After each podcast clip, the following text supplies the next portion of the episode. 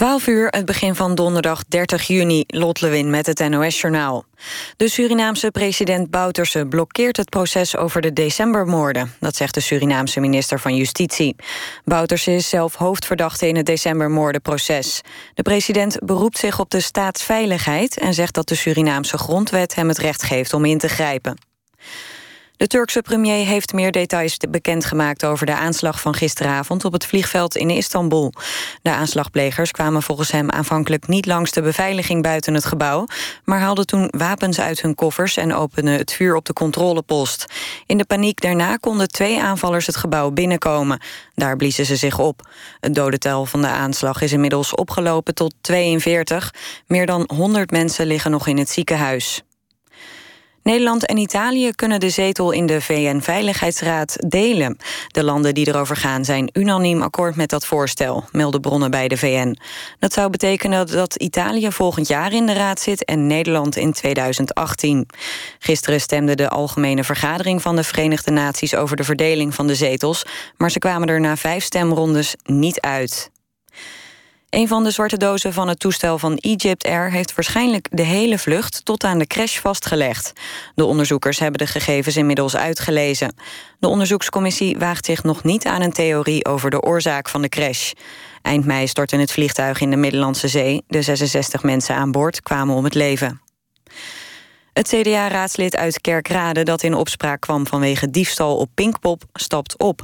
Mark Meijer werd gisteren veroordeeld tot een boete van 500 euro... wegens het stelen van twee zitzakken en flessen drank. Ook moet hij een schadevergoeding betalen aan de organisatie van Pinkpop. En dan nog het weer, af en toe een bui en vannacht is het rond de 15 graden. Ook morgen regen en tegen de avond wordt het pas weer droger. Het wordt ongeveer 20 graden. Dit was het NOS Journaal. NPO Radio 1. VPRO.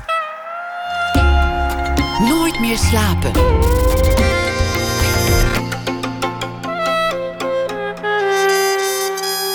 Met Pieter van der Wielen. Goedenacht en welkom bij Nooit meer slapen. Als je jong in Parijs hebt gewoond, draag je dat voor altijd met je mee. Parijs is een verplaatsbaar festijn. A movable feast. Ernest Hemingway schreef het, de titel van een boek. Nieuw vertaald, uitgebracht met verloren gewaande teksten... en een nieuw nawoord van Gustav Peek, die na ene op bezoek komt. Dan gaan we het ook hebben met de andere Ernest uit de wereldliteratuur... Ernest van der Kwast over de voorbije dag. Hij schrijft deze week elke nacht een verhaal voor ons. En dat zal hij voordragen. Maar we beginnen met Maarten Hitskes Jarenlang was hij researcher voor programma's, onder meer voor het eh, geschiedenisprogramma Andere Tijden. Een deel van het verleden durfde hij echter amper aan te raken: het oorlogsverleden van zijn vader. Zijn vader, Piet, was commando bij de speciale eenheden onder commandant Westerling in de koloniale oorlog in Indië in de jaren 1946-1947. De naam Raymond Westerling wordt geassocieerd met standrechtelijke executies, martelingen en andere oorlogsmisdaden. Zou Piet Hitskes, de vader van Maarten, daar zelf bij betrokken zijn geweest? Dat gesprek tussen vader en zoon heeft nooit plaatsgevonden en vader Hitskes overleed in 1992. In 2007 zou Maarten een tweeluik maken voor de televisie voor het programma Andere Tijden over wat is gaan heten de Zuidse Lebes-affaire. En nu is er een boek waarin hij dieper op de materie ingaat. Thuis gelooft niemand mij. Maarten Hitskes is van 1969. Hij is auteur, researcher en adviseur in de publieke sector. Hartelijk welkom. Dankjewel. Dat gesprek met je vader, ook nooit langs gescheerd, nooit op het punt gestaan te vragen: Goh, pap, hoe zat dat eigenlijk in die oorlog? Waar was je? Wat heb je meegemaakt? Wat heb je gezien? Nee, nou precies zoals jij het nu formuleert. Die vraag had ik, vind ik nu achteraf, wel moeten stellen. Uh, maar die heb ik nooit gesteld. En lange tijd, in mijn eigen puberteit, was desinteresse in mijn vader de reden ervoor dat ik die vraag nooit stelde. Ik heb toen hij doodging wel uh, sterk neiging gehad om er iets over te vragen. Uh, maar ik begreep pas na zijn dood wat, wat het eigenlijk voor periode was geweest. Wat het eigenlijk uh, voor een enorme geweldspiraal was geweest waar hij in betrokken was. Dus de goede vragen die kwamen eigenlijk pas na zijn dood. Maar jij was ook relatief jong, 1992. Uh, ja, ja dan was 22, 22, ja. Misschien nog iets te jong ook in jullie relatie? Ja, ik denk, zelf zeg ik in het boek dat ik denk dat als ik uh, zo'n beetje 35 geweest zou zijn, dan was hij 80 geweest. Dan hadden we dat gesprek zeker gevoerd. Eh, in, in mijn hele vroege jeugd zijn er wel een paar signalen geweest. Eh, de belangrijkste daarvan, eh, die is pas bij me teruggekomen in mijn hoofd. Ik was er kwijt. toen het schrijven van het boek al vrij ver gevorderd was. Ik was ongeveer een jaar of zeven, dat is begin jaren zeventig geweest. Ehm, hij, ik heb het was voor mij wel duidelijk dat hij soldaat of militair geweest was. En wij speelden wel vaak krijgertje bij ons thuis. Uh, toen heb ik hem wel eens gevraagd of hij als soldaat wel eens iemand had doodgeschoten. En toen heeft hij zijn hand op mijn hoofd gelegd, heel voorzichtig. En toen heeft hij gezegd: Nou jongen, daar hebben we het later nog wel eens over. En mijn boek uh, is eigenlijk he, die 220 pagina's die dan volgen, die leiden naar op de allerlaatste pagina het antwoord dat hij me gegeven zou hebben. De research naar Zuid-Celebes heeft me ook geleid naar een mogelijk antwoord dat hij gegeven zou kunnen hebben. Want het antwoord op die vraag luidde natuurlijk ja. Je vader heeft iemand vermoord. Ja. Ja. Het klinkt ook alsof hij het gesprek liever niet aanging. Werd, werd, werd het vermeden? Werd er thuis over Indië gezwegen? Nee, het werd niet vermeden. Niet in die zin dat het verdrongen werd. Uh, het was ook bepaald geen verboden onderwerp. Uh, verjaardagen werden bij onze familie uitgebreid uh, gevierd. En ik weet wel dat voor vrienden van mijn ouders, ook familieleden. Het was geen geheim dat hij bij Westerling had gezeten. Het was ook geen geheim dat hij aan de zogenaamde Zuidse Lebens acties, hè, zuiveringen had meegedaan. Maar ja, nu gebruik ik ook onmiddellijk het woord zuiveringen. Hè, dat soort woorden vielen toch op verjaardagen niet. En zelf in het boek maak ik ook een soort korte analyse van hoe daar nou over gepraat werd dan op die verjaardagen. En dan werd er bijvoorbeeld gezegd: God, uh, Piet. Uh, jij hebt toch bij Westerling gezeten? Jij, bent, jij hebt toch ook op Zuid-Slebes gezeten? Ja, ja, ja, zeker, zei hij dan, heel ontspannen. Maar verder ging het gesprek niet. Het was niet zo dat mijn vader uitstraalde dat hij daar niet over wilde praten. Uh, dus dat hij een doofpot, zeg maar, wilde, wilde forceren. Maar iedereen om hem heen, vrienden, familie, die voelde wel aan dat verder vragen dat dat niet echt gepast was. Ik was op een verjaardag. Hè, er was niemand die vroeg van... Goh Piet, Zuidse Lebes, betekent dat dat je ook aan de standrechtelijke executies hebt deelgenomen? Dat zullen sommigen ongetwijfeld gedacht of zich afgevraagd hebben. Maar dat, niemand, niemand vroeg dat. Dus het was een, een soort vermijdingsstrategie bij in mindere mate misschien nog wel bij mijn vader... en in meerdere mate bij de mensen om hem heen. Ik heb het daar ook nog wel uh, regelmatig met uh, mijn nichten bijvoorbeeld over gehad. Hè? De generatie van mijn vader en al zijn broers die zijn dood. Die hebben daar eigenlijk onder elkaar ook nooit uh, echt over gesproken. En wij zijn een generatie verder. En bij ons is er eigenlijk alleen maar interesse, honger en nieuwsgierigheid. Maar zelf, die generatie die zelf Eerst die Tweede Wereldoorlog. Sommigen in Indonesië uh, in de kampen gezeten. Daarna uh, jarenlang ontregeling in koloniale legers enzovoort. Daar is. Um, dat, dat was ook klaar in 1950. Daar Men wilde verder. Men wilde, men wilde niet verder. omkijken. Men wilde verder. Dus er was geen gefrustreerde zwijgstrategie of iets dergelijks. Maar uitgediept werd het onderwerp bepaald niet. In de, de documentaire die, die je hebt gemaakt voor uh, Andere Tijden, samen met anderen, daar vertellen meerdere oud-gedienden van, van, dat, dat, uh, van die eenheid van Westerling, dat ze later zijn nagewezen in hun buurt. Ja. Moordenaar. Ja. We weten wat je gedaan hebt, we weten wat er daar gebeurd is. Ja. Het was dus toch iets waar je liever over zweeg, omdat je nooit wist wat de reactie zou zijn. Ja, ja inderdaad. Mijn vader heeft. Uh altijd wel gezegd. Uh, ik zat bij Westerling en heeft in die zin er nooit over gezwegen. Maar het gekke was, kijk, mijn vader kwam terug. Uh, toen hij terugkwam van Celebes, zou je kunnen zeggen, stond, daar stond een muziekkorps, daar stonden mensen die spontaan gingen applaudisseren. En ook nogal toen hij in Nederland terugkwam, hij is later bij Defensie gaan werken, er was een stille en soms ook wel uitgesproken bewondering voor Westerling. Uh, iedereen die iets met Nederlands-Indië te maken had gehad aan de Nederlandse kant, vond dat toch heimelijk of openlijk wel goed dat Westerling daar ook orde op zaken had gesteld.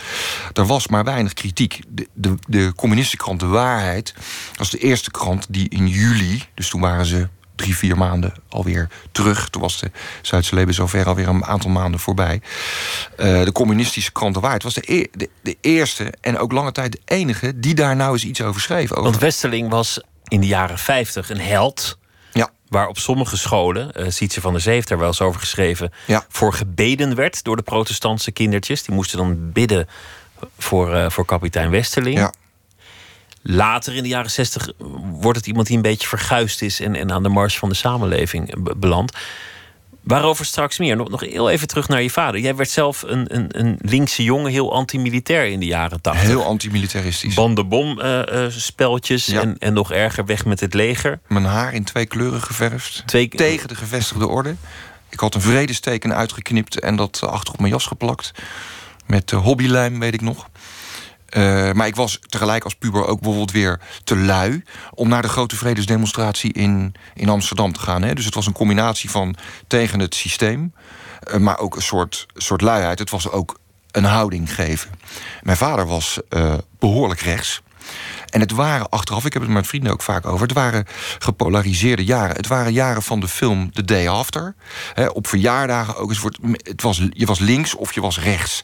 Er was niet een soort on, heel groot ongeïnteresseerd midden. Iedereen had scherpe meningen. En The Day After was een film waarin rechts de bom had gegooid... en, en dan werd iedereen wakker en dacht... wat hebben we gedaan? Want, want dan gooide ja. uh, het communistische links gooide bommen terug. Ja, nou die film en zeker. Een, was, een, een ja. rampenfilm waar, waar een heel duidelijke waarschuwing in zat. Ja, nou die film zeker was voor mij toen zo'n angstaanjagend schrikbeeld. Uh, mijn motto was toen alle wapens de wereld uit. Om te beginnen uit Nederland. En interessant is natuurlijk dat mijn vader... die uh, zeer gedisciplineerd weer door zijn vader is opgevoed... grootvader Geert Hitskes... die had uh, heel makkelijk mij ook heel erg gedisciplineerd en nou discipline, ik ben wel gedisciplineerd opgevoed, maar die had mij heel makkelijk heel erg streng op kunnen voeden. Maar ik heb eigenlijk van hem toch alle ruimte gehad om mijn linkse praat de hele dag thuis, want dat zal hem echt wel eens de oren uitgekomen zijn, om toch de hele dag mijn protesten, uh, hè, die mocht ik de hele dag uh, uh, hoe moet ik dat zeggen? Ventileren. Ventileren, ja. Dus hij had ook niet verwacht dat als hij zou vertellen wat er werkelijk was gebeurd in zijn oorlog, dat jij dat zou hebben begrepen. Ik had daar niks van begrepen. En dat heeft hij denk ik ook wel goed ingeschat. Nee, dat kon ik totaal niet duiden toen ik 15, 16, 18 jaar was. Hoe is dat verder gegaan? Want, want jij met dat schone geweten tegen de oorlog moet leven met de gedachte dat je vader uh, niet alleen een mens heeft vermoord, maar waarschijnlijk deel is geweest van een bataljon dat oorlogsmisdaden heeft gepleegd. Ja, en dan kun je denk ik het woord waarschijnlijk kan je, uh, kan je weglaten. Um, maar dat is gewoon een feit. Ja, Westelings ja. uh, eenheden hebben oorlogsmisdaden gepleegd. Dan is natuurlijk nog de vraag: was Piet Hitskes daarbij betrokken op enige wijze? Uh, ja, dat moet. En dat moet haast wel. laat, laat ik dat haast wel nou even weghalen uit die zin. er zijn sowieso vijf acties in die. Mijn vader is twaalf weken naar Celebes gegaan. Er zijn vijf acties in die twaalf weken geweest. Waarvan ik met zekerheid kan vaststellen dat mijn vader daarbij betrokken was. Eén actie daarvan is bijzonder pijnlijk. Uh, dat betreft het afmaken van een serie gevangenen met standguns. Dat waren Indonesiërs die eigenlijk alleen maar verdacht werden van bepaalde handelingen. Die zijn eind januari op de vlakte bij Baru aan de kust op Zuid-Celebes... Uh, met hun handen gebonden op hun rug, afgemaakt met standguns. Uh, door soldaten van Westerling. Nou, ik weet, ik kan niet alle data per dag of per uur natuurlijk precies vaststellen waar mijn vader uh, gelopen uh, heeft en geweest is. Maar bij die actie uh, weet ik zeker dat hij op dat moment in de groep van Westerling gezeten moet hebben. Heb je op enig moment de neiging gehad bij het schrijven, bij het onderzoeken, om je vader te vergoeilijken? Om, om, om het te willen verzachten? Heel in het begin wel. Toen heb ik uh, wel ontsnappingsstrategieën in mijn hoofd ge, ge, gevoeld. En die heb ik ook proberen op te schrijven in het boek. En een van die strategieën is geweest, en dat heeft een aantal weken geduurd, dat ik dacht, nou, het kan niet zo zijn dat mijn vader daarbij betrokken is geweest. Zo ken ik hem niet. Zo kan ik hem, hem mij helemaal niet voorstellen. Uh, er moet sprake zijn van een andere Hitskes. Er zijn vast legernummers verwisseld. Uh, het is zo'n chaos geweest, die hele administratie in die laatste koloniale jaren. Eh, dat is vast een andere iets, een soort onbekende neef in de familie waar we geen contact mee hebben gehad. Of, of er is een verwisseling in bataljonsnummers. Ik ben niet zo, ik, ik heb niet zoveel verstand van die bataljonsnummers in het leger. Dus er is een vergissing gemaakt. Maar dat waren eigenlijk uh, hersenspinsels waarmee ik mezelf voor de gek hield. Want mijn vader had een heel klein soort militair pakketje, een klein bundeltje achtergelaten. Ter grootte van een, ja, het was meer een dik paspoort met een aantal papieren erin. Dat was een militaire rijbewijs, een inentingsboekje enzovoort. Maar daar zaten ook twee identiteitsbewijzen tussen. Van het depot speciale troepen. Zijn, uh, zijn nummer daarin. En de handtekening van Westerling. En dat was ook gedateerd op de aller, allereerste dag dat de training voor de commando's was begonnen. Dus hij was daar echt vanaf het allereerste uur bij. Um, dus dat zijn wel ontsnappingsstrategieën. Uh, waar ik me ook weer later pas bewust van geworden ben... van de gedachte dat je vader, voordat je zelf geboren werd... dat hij uh, een heel ander leven heeft gehad. En dat hij als jonge knul van 24 jaar met een onbeperkte bevoegdheid 14.000 kilometer van huis heeft gestaan. Ja, dat kon ik mij in de wereld van de Leidse Namse flat waar wij woonden in de jaren 80, kon ik me dat niet, dat kon ik me niet voorstellen. En na een aantal weken uh, moet je jezelf aankijken. Moet je naar je, ook je bewijsmateriaal kijken. En moet je zeggen, nee, dat, dat is dus toch het geval. En dan begint, dan, komt de, dan doemt de grote vragen op. Hoe kan het zijn uh, na jaren research wordt al duidelijk dat mijn vader met hoge verwachtingen naar Indië vertrokken is. Met de beste bedoelingen en met de hoogste verwachtingen zich aangemeld heeft. Allemaal op basis van vrijwilligheid bij Westerling. vertrekt als held en terugkeert als halve oorlogsmisdadiger. Want de helft van de bevolking of de ontvangende groepen stonden met de duim omhoog. Fantastisch, kapitein Westerling. Fantastisch, Piet. Dat heb je geweldig gedaan. Maar uh, in de loop der jaren, je schetst dat heel goed, met name vanaf het einde van de jaren zestig, staan natuurlijk steeds meer mensen met de duim omlaag. Het valt op in deze geschiedenis uh, dat vaak verzachtende woorden worden gebruikt. Uh, men heeft het over zuiveringen of over mogelijke executies. Nou ja, wat is een mogelijke executie? Dat, dat is een beetje vaag taalgebruik. Om het gewoon bij de naam te noemen: standrechtelijke executies, oorlogsmisdaden, mensen die worden gefusilleerd zonder proces. Als je vergelijkt met hoe de geschiedenis wordt beschreven van de, de, de Duitse bezetter in Nederland, dan wordt het wel gewoon allemaal bij de naam genoemd. En de praktijken zijn soms vergelijkbaar. Ja, een dorp invallen, iedereen verzamelen, de mannen en de vrouwen scheiden, de mannen één voor één neerzetten. En dan op basis van een soort gevoel zeggen: jij bent een, een, een verzetsman, of jij hebt een uh, misdaad op je geweten, of jij bent een terrorist. En ter plekke afschieten. Ja, ja, en dat is een hele interessante vergelijking die je nu maakt. Dezelfde een omstreden vergelijking. Ja, nou, nou dat, misschien valt dat wel mee met de. Ja, misschien is die wel omstreden, maar ik vind dat wel meevalt met de, met de omstredenheid. Ik denk dat je de vergelijking wel kan maken. Iemand die de, die, die vergelijking ook maakt, is uh, de ene hoogste ambtenaar op het ministerie van Justitie in 1954. Westerling is dan alweer teruggekeerd in Nederland en uh, het kabinet en de minister-president moeten een besluit gaan nemen uh, over de vraag of Westerling wel of niet vervolgd wordt. En justitie moet daarvoor de voorzet leveren. En die ambtenaar die trekt de vergelijking die jij nu ook maakt, die maakt de vergelijking tussen het Duitse standrecht in Nederland en het Nederlandse standrecht in Indonesië. En daar die vergelijking valt voor Nederland heel erg pijnlijk uit. Want hij maakt, uh, hij stelt vast, die ambtenaar, dat is Belinfante geweest, uh, die later ook in plaats van Bijltjesdag heeft geschreven. Die, die zegt: als je standrecht wil toepassen als een bezettende macht, dan mag dat, mits je aan een aantal voorwaarden voldoet. Je moet uh, op een gemeentehuis, op, op de deur van het gemeentehuis, moet je opspijkeren in schriftelijk wat de misdaden zijn waar die tot standrecht kunnen leiden. Hè? Uh, bovendien moet dat uitgesproken worden door een militaire rechtbank. Dat moet zwart op wit. Hè. Er moet een griffier bij betrokken zijn. En daar moet ook een eenmalige, mag kort, maar een mogelijkheid van beroep bij uh, aanwezig zijn. Um, dat moet dus goed geadministreerd en bevoegd gebeuren.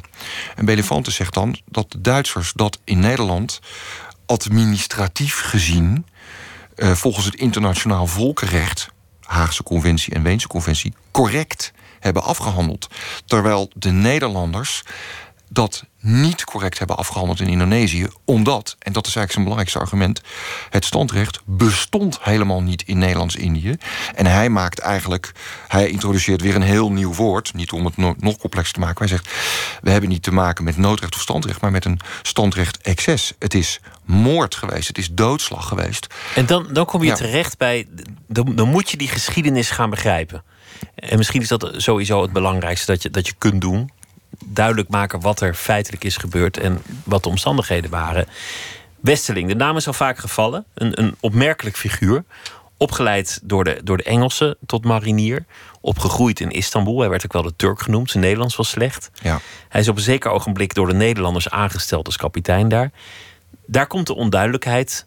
Wie heeft hem welke opdracht gegeven? Wat was eigenlijk zijn mandaat? En hoe kan het dat hij zoveel ruimte kreeg? Het werd zelfs carte blanche genoemd. Wat ben je daarover te weten gekomen? Had hij helemaal de macht over zijn, over zijn manschappen? Kon hij doen en laten wat hij wilde? Ja, hij kon doen en laten wat hij wilde. En dat had ermee te maken dat uh, toen Westerling naar Celebes werd gestuurd... was hij 27 jaar oud. En zijn directe meerdere op Celebes, dat was een kolonel, kolonel de Vries...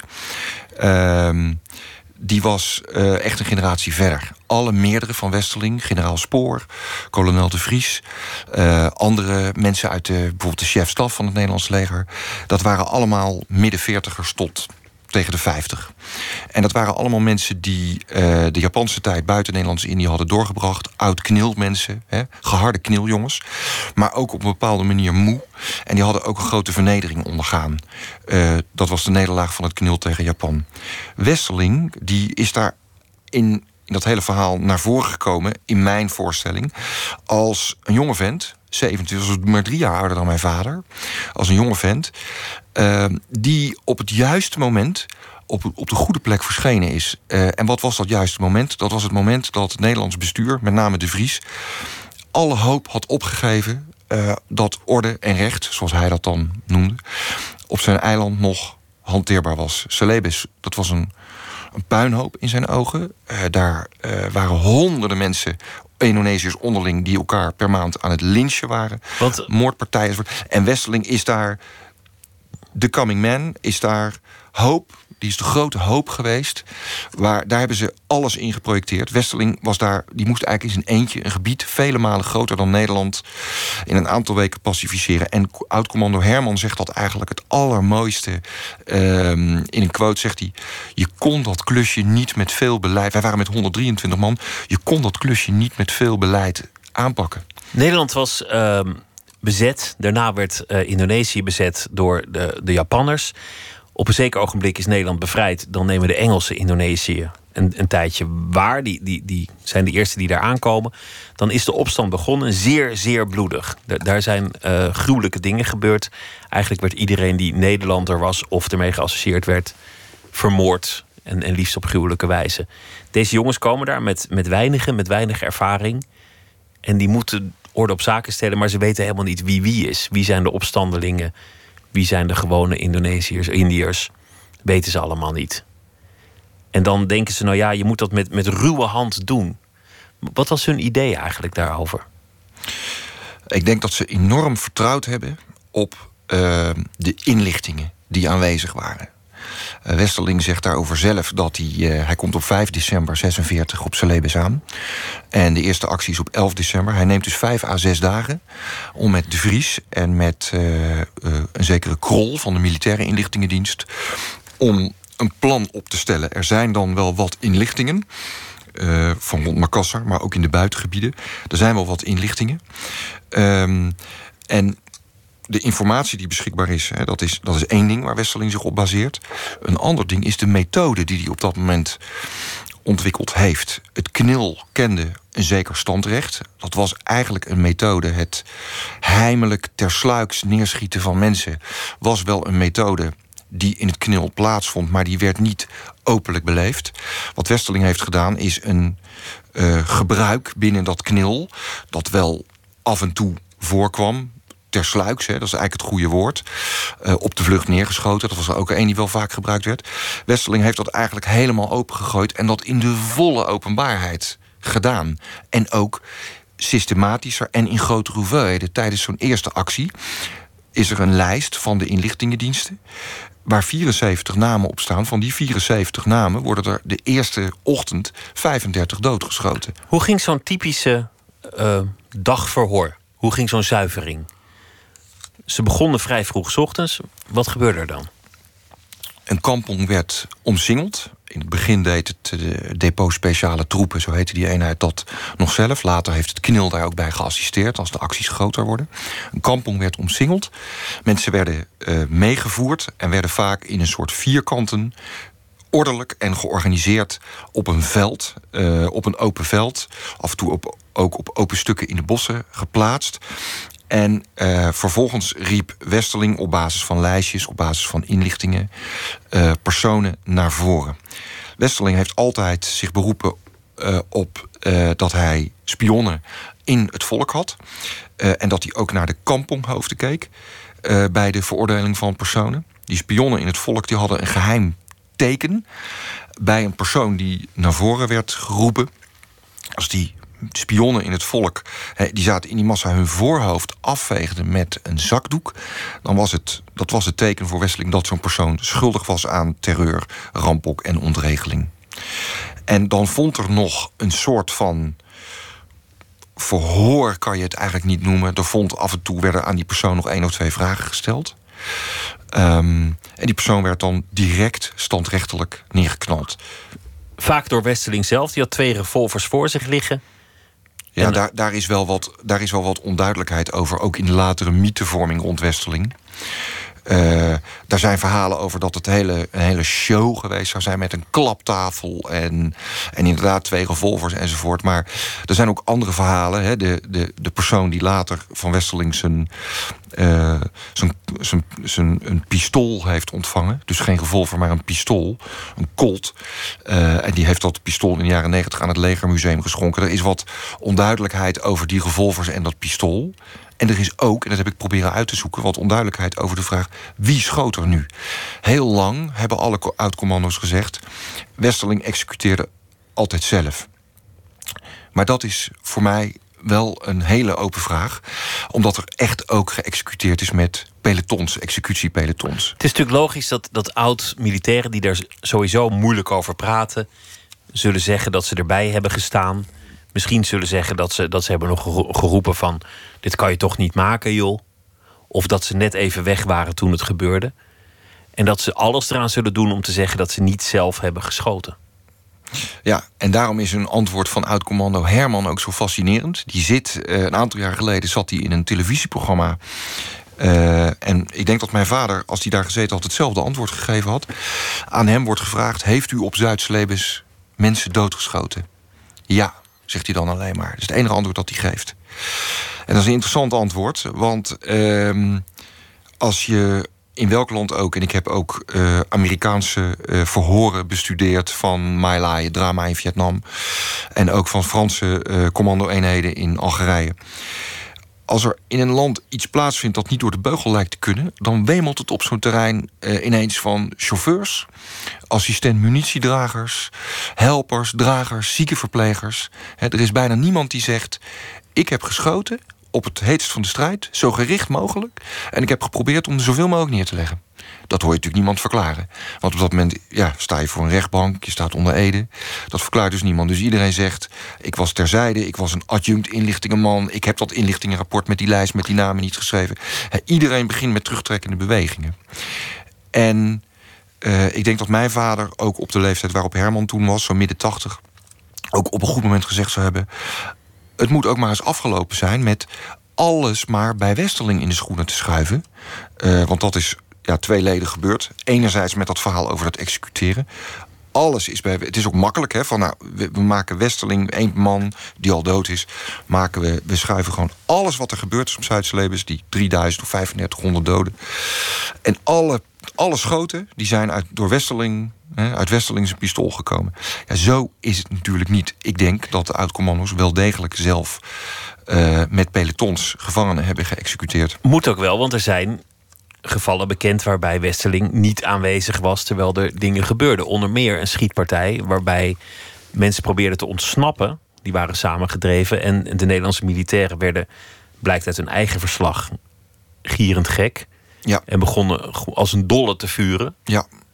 Ja. En hebben daar, wat was het, 349 mensen afgeknald. Ja, 364. Ja, 364. Nou, dat, ja, het, het, getal is in zoverre relevant dat uh, wat ik aan het einde van het boek ook uh, me afvraag is: hoe kan het zijn dat er in het wereldbekende dorpje My Lai, waar 347 mensen zijn uh, afgemaakt in 1968, dat dat, hè, dat dat heeft de wereld geschokt toen dat uitkwam.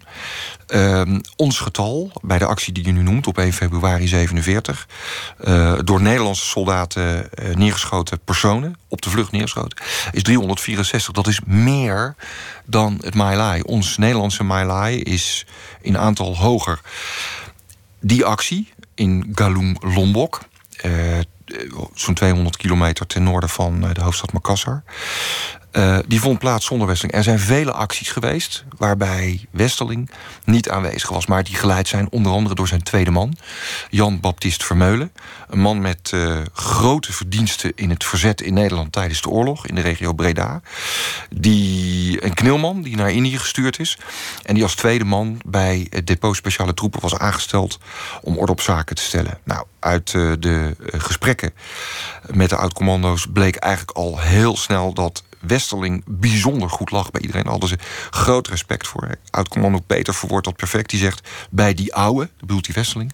bij die ouwe wist je altijd zeker, wat hij zegt is waar. ze gingen dus blindelings voor Wesseling door het vuur. Vermeulen lag uh, niet goed. Die vonden ze niet sympathiek. Uh, een oud de sportinstructeur, dat was een kaderlid, die zei: ja, die liep, Vermeulen liep daar de hele dag bazig rond. Die liep een beetje rond te commanderen. Uh, die gaf idiote orders zoals marcheren en wapens schoonmaken enzovoort. Terwijl de, de, de, de vrijwilligheid en de, de discipline bij die oud-commando's... dat zat zo bij die jongens in het bloed. Hè. Die jongens, net als Westeling, die waren niet in dienst, maar die waren de dienst. Dus die hoefde je niet te vertellen dat ze hun geweer moesten gaan schoonmaken. Vermeulen lag niet goed en Vermeulen hield er ook...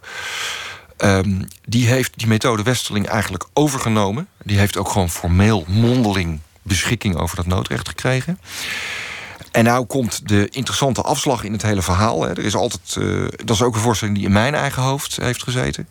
Ik heb altijd gedacht, Westerling voert zijn eigen methode, de methode Westerling, tot op hoogte nog wel enigszins gedisciplineerd uit. Terwijl Vermeulen, hè, die legt er alleen al in januari verricht hij 1055 executies in één maand.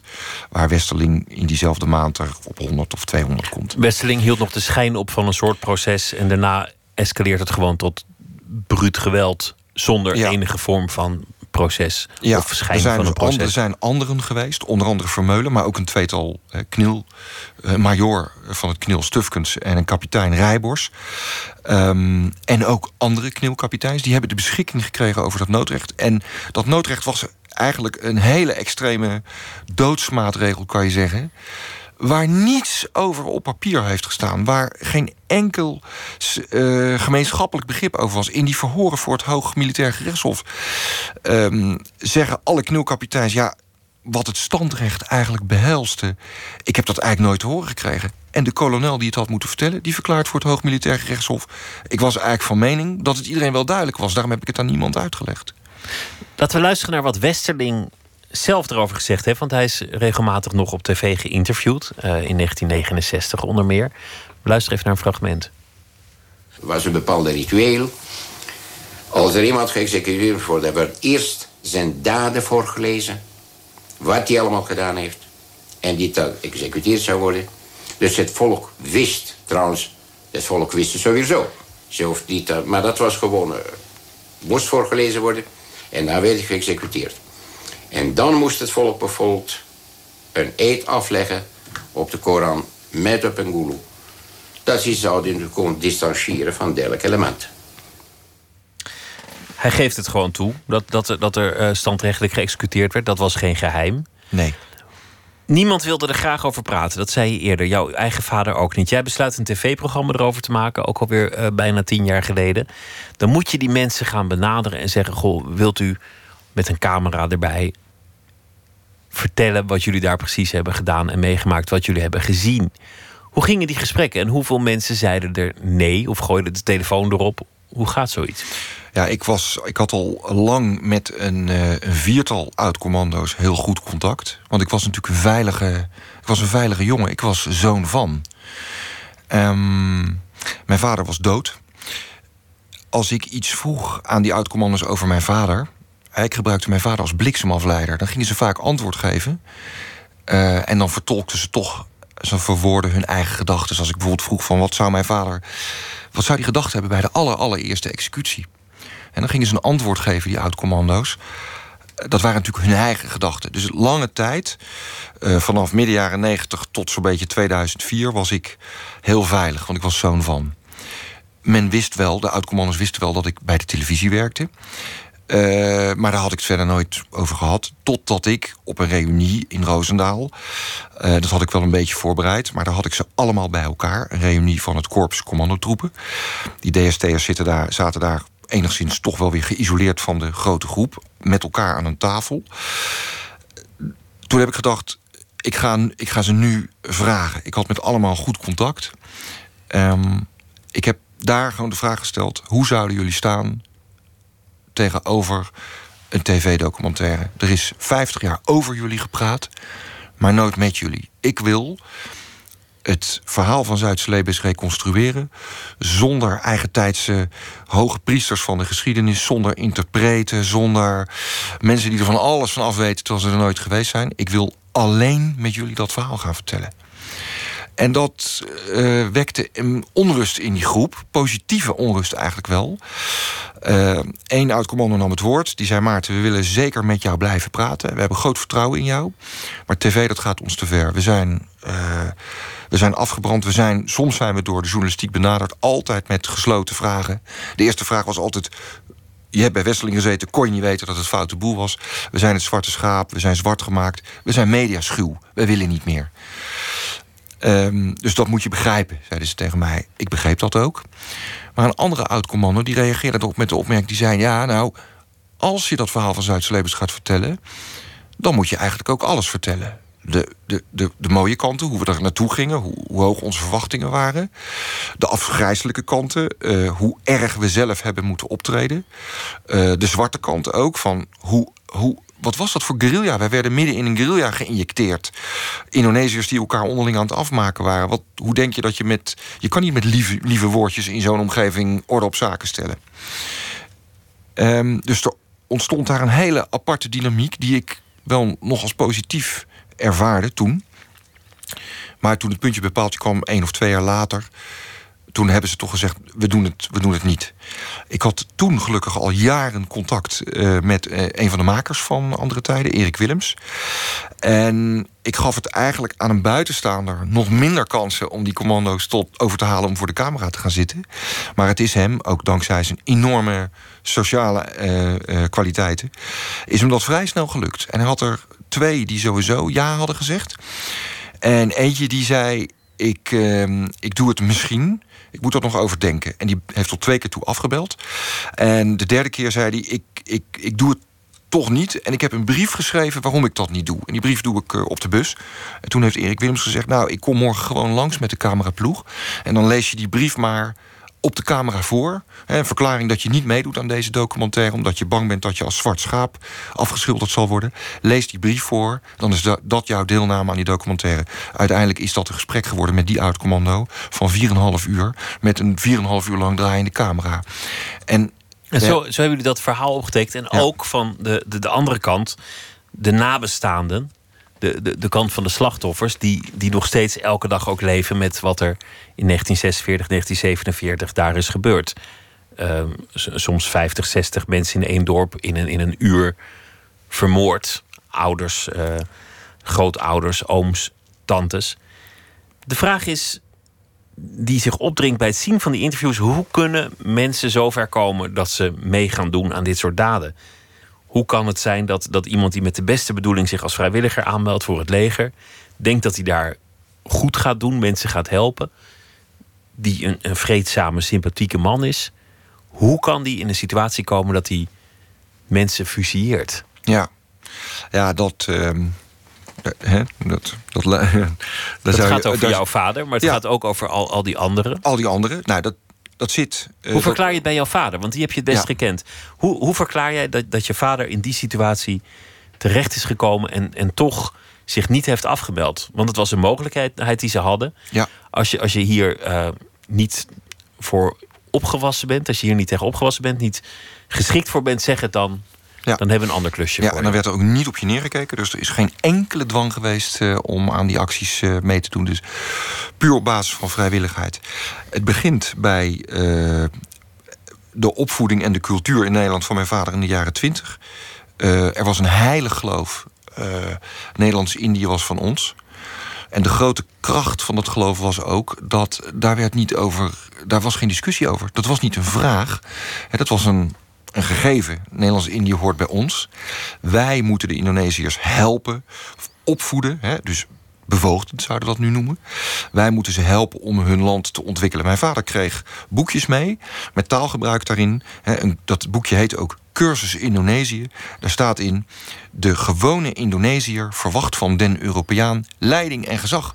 Is dat, is dat een, een deel daarvan? Dat wat is een je, deel. En een, wat je eigenlijk zou noemen racisme of, of een soort gevoel van culturele superioriteit. Ja, zeker uh, superioriteitsgevoel.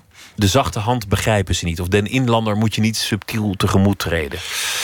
Dat, nou, dat was een ander aspect. Ehm, er, er was in Nederlands-Indië, dat was natuurlijk, dat had al uh, dat systeem was al gegrond op macht. Macht over een ander hebben.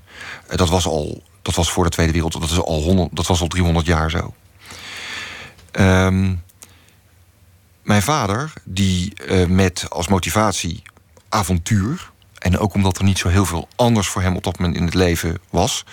avontuur naar Nederlands-Indië is gegaan... ook met het gevoel, we hebben nu de Duitser verslagen nu de Jap nog even. En nou nog even de Japanner Nederlands-Indië uitjagen.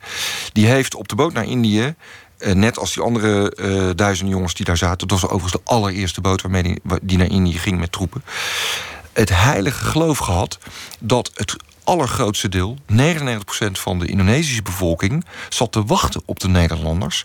En ook, laten we zeggen, pro-Nederlands was. En dat de onrust in Nederlands-Indië veroorzaakt werd door een heel klein, vervelend, hardnekkig stelletje raddraaiers. En die beeldvorming was natuurlijk opgewekt al vanuit, zijn, vanuit de, de Nederlandse cultuur, vanuit zijn opvoeding. Vooral ook door de de, de voorlichting, de RVD. Hè. De taal waarin ook gesproken werd, was van ja. Uh, dat gaat om een kleine, hele kleine minderheid, minder dan 1%. En die verpest het voor de grote meerderheid. Je zou het kunnen vergelijken met antiterreuroperaties. Een enorme woede, want je weet wat voor gruwelijke daden er zijn gepleegd.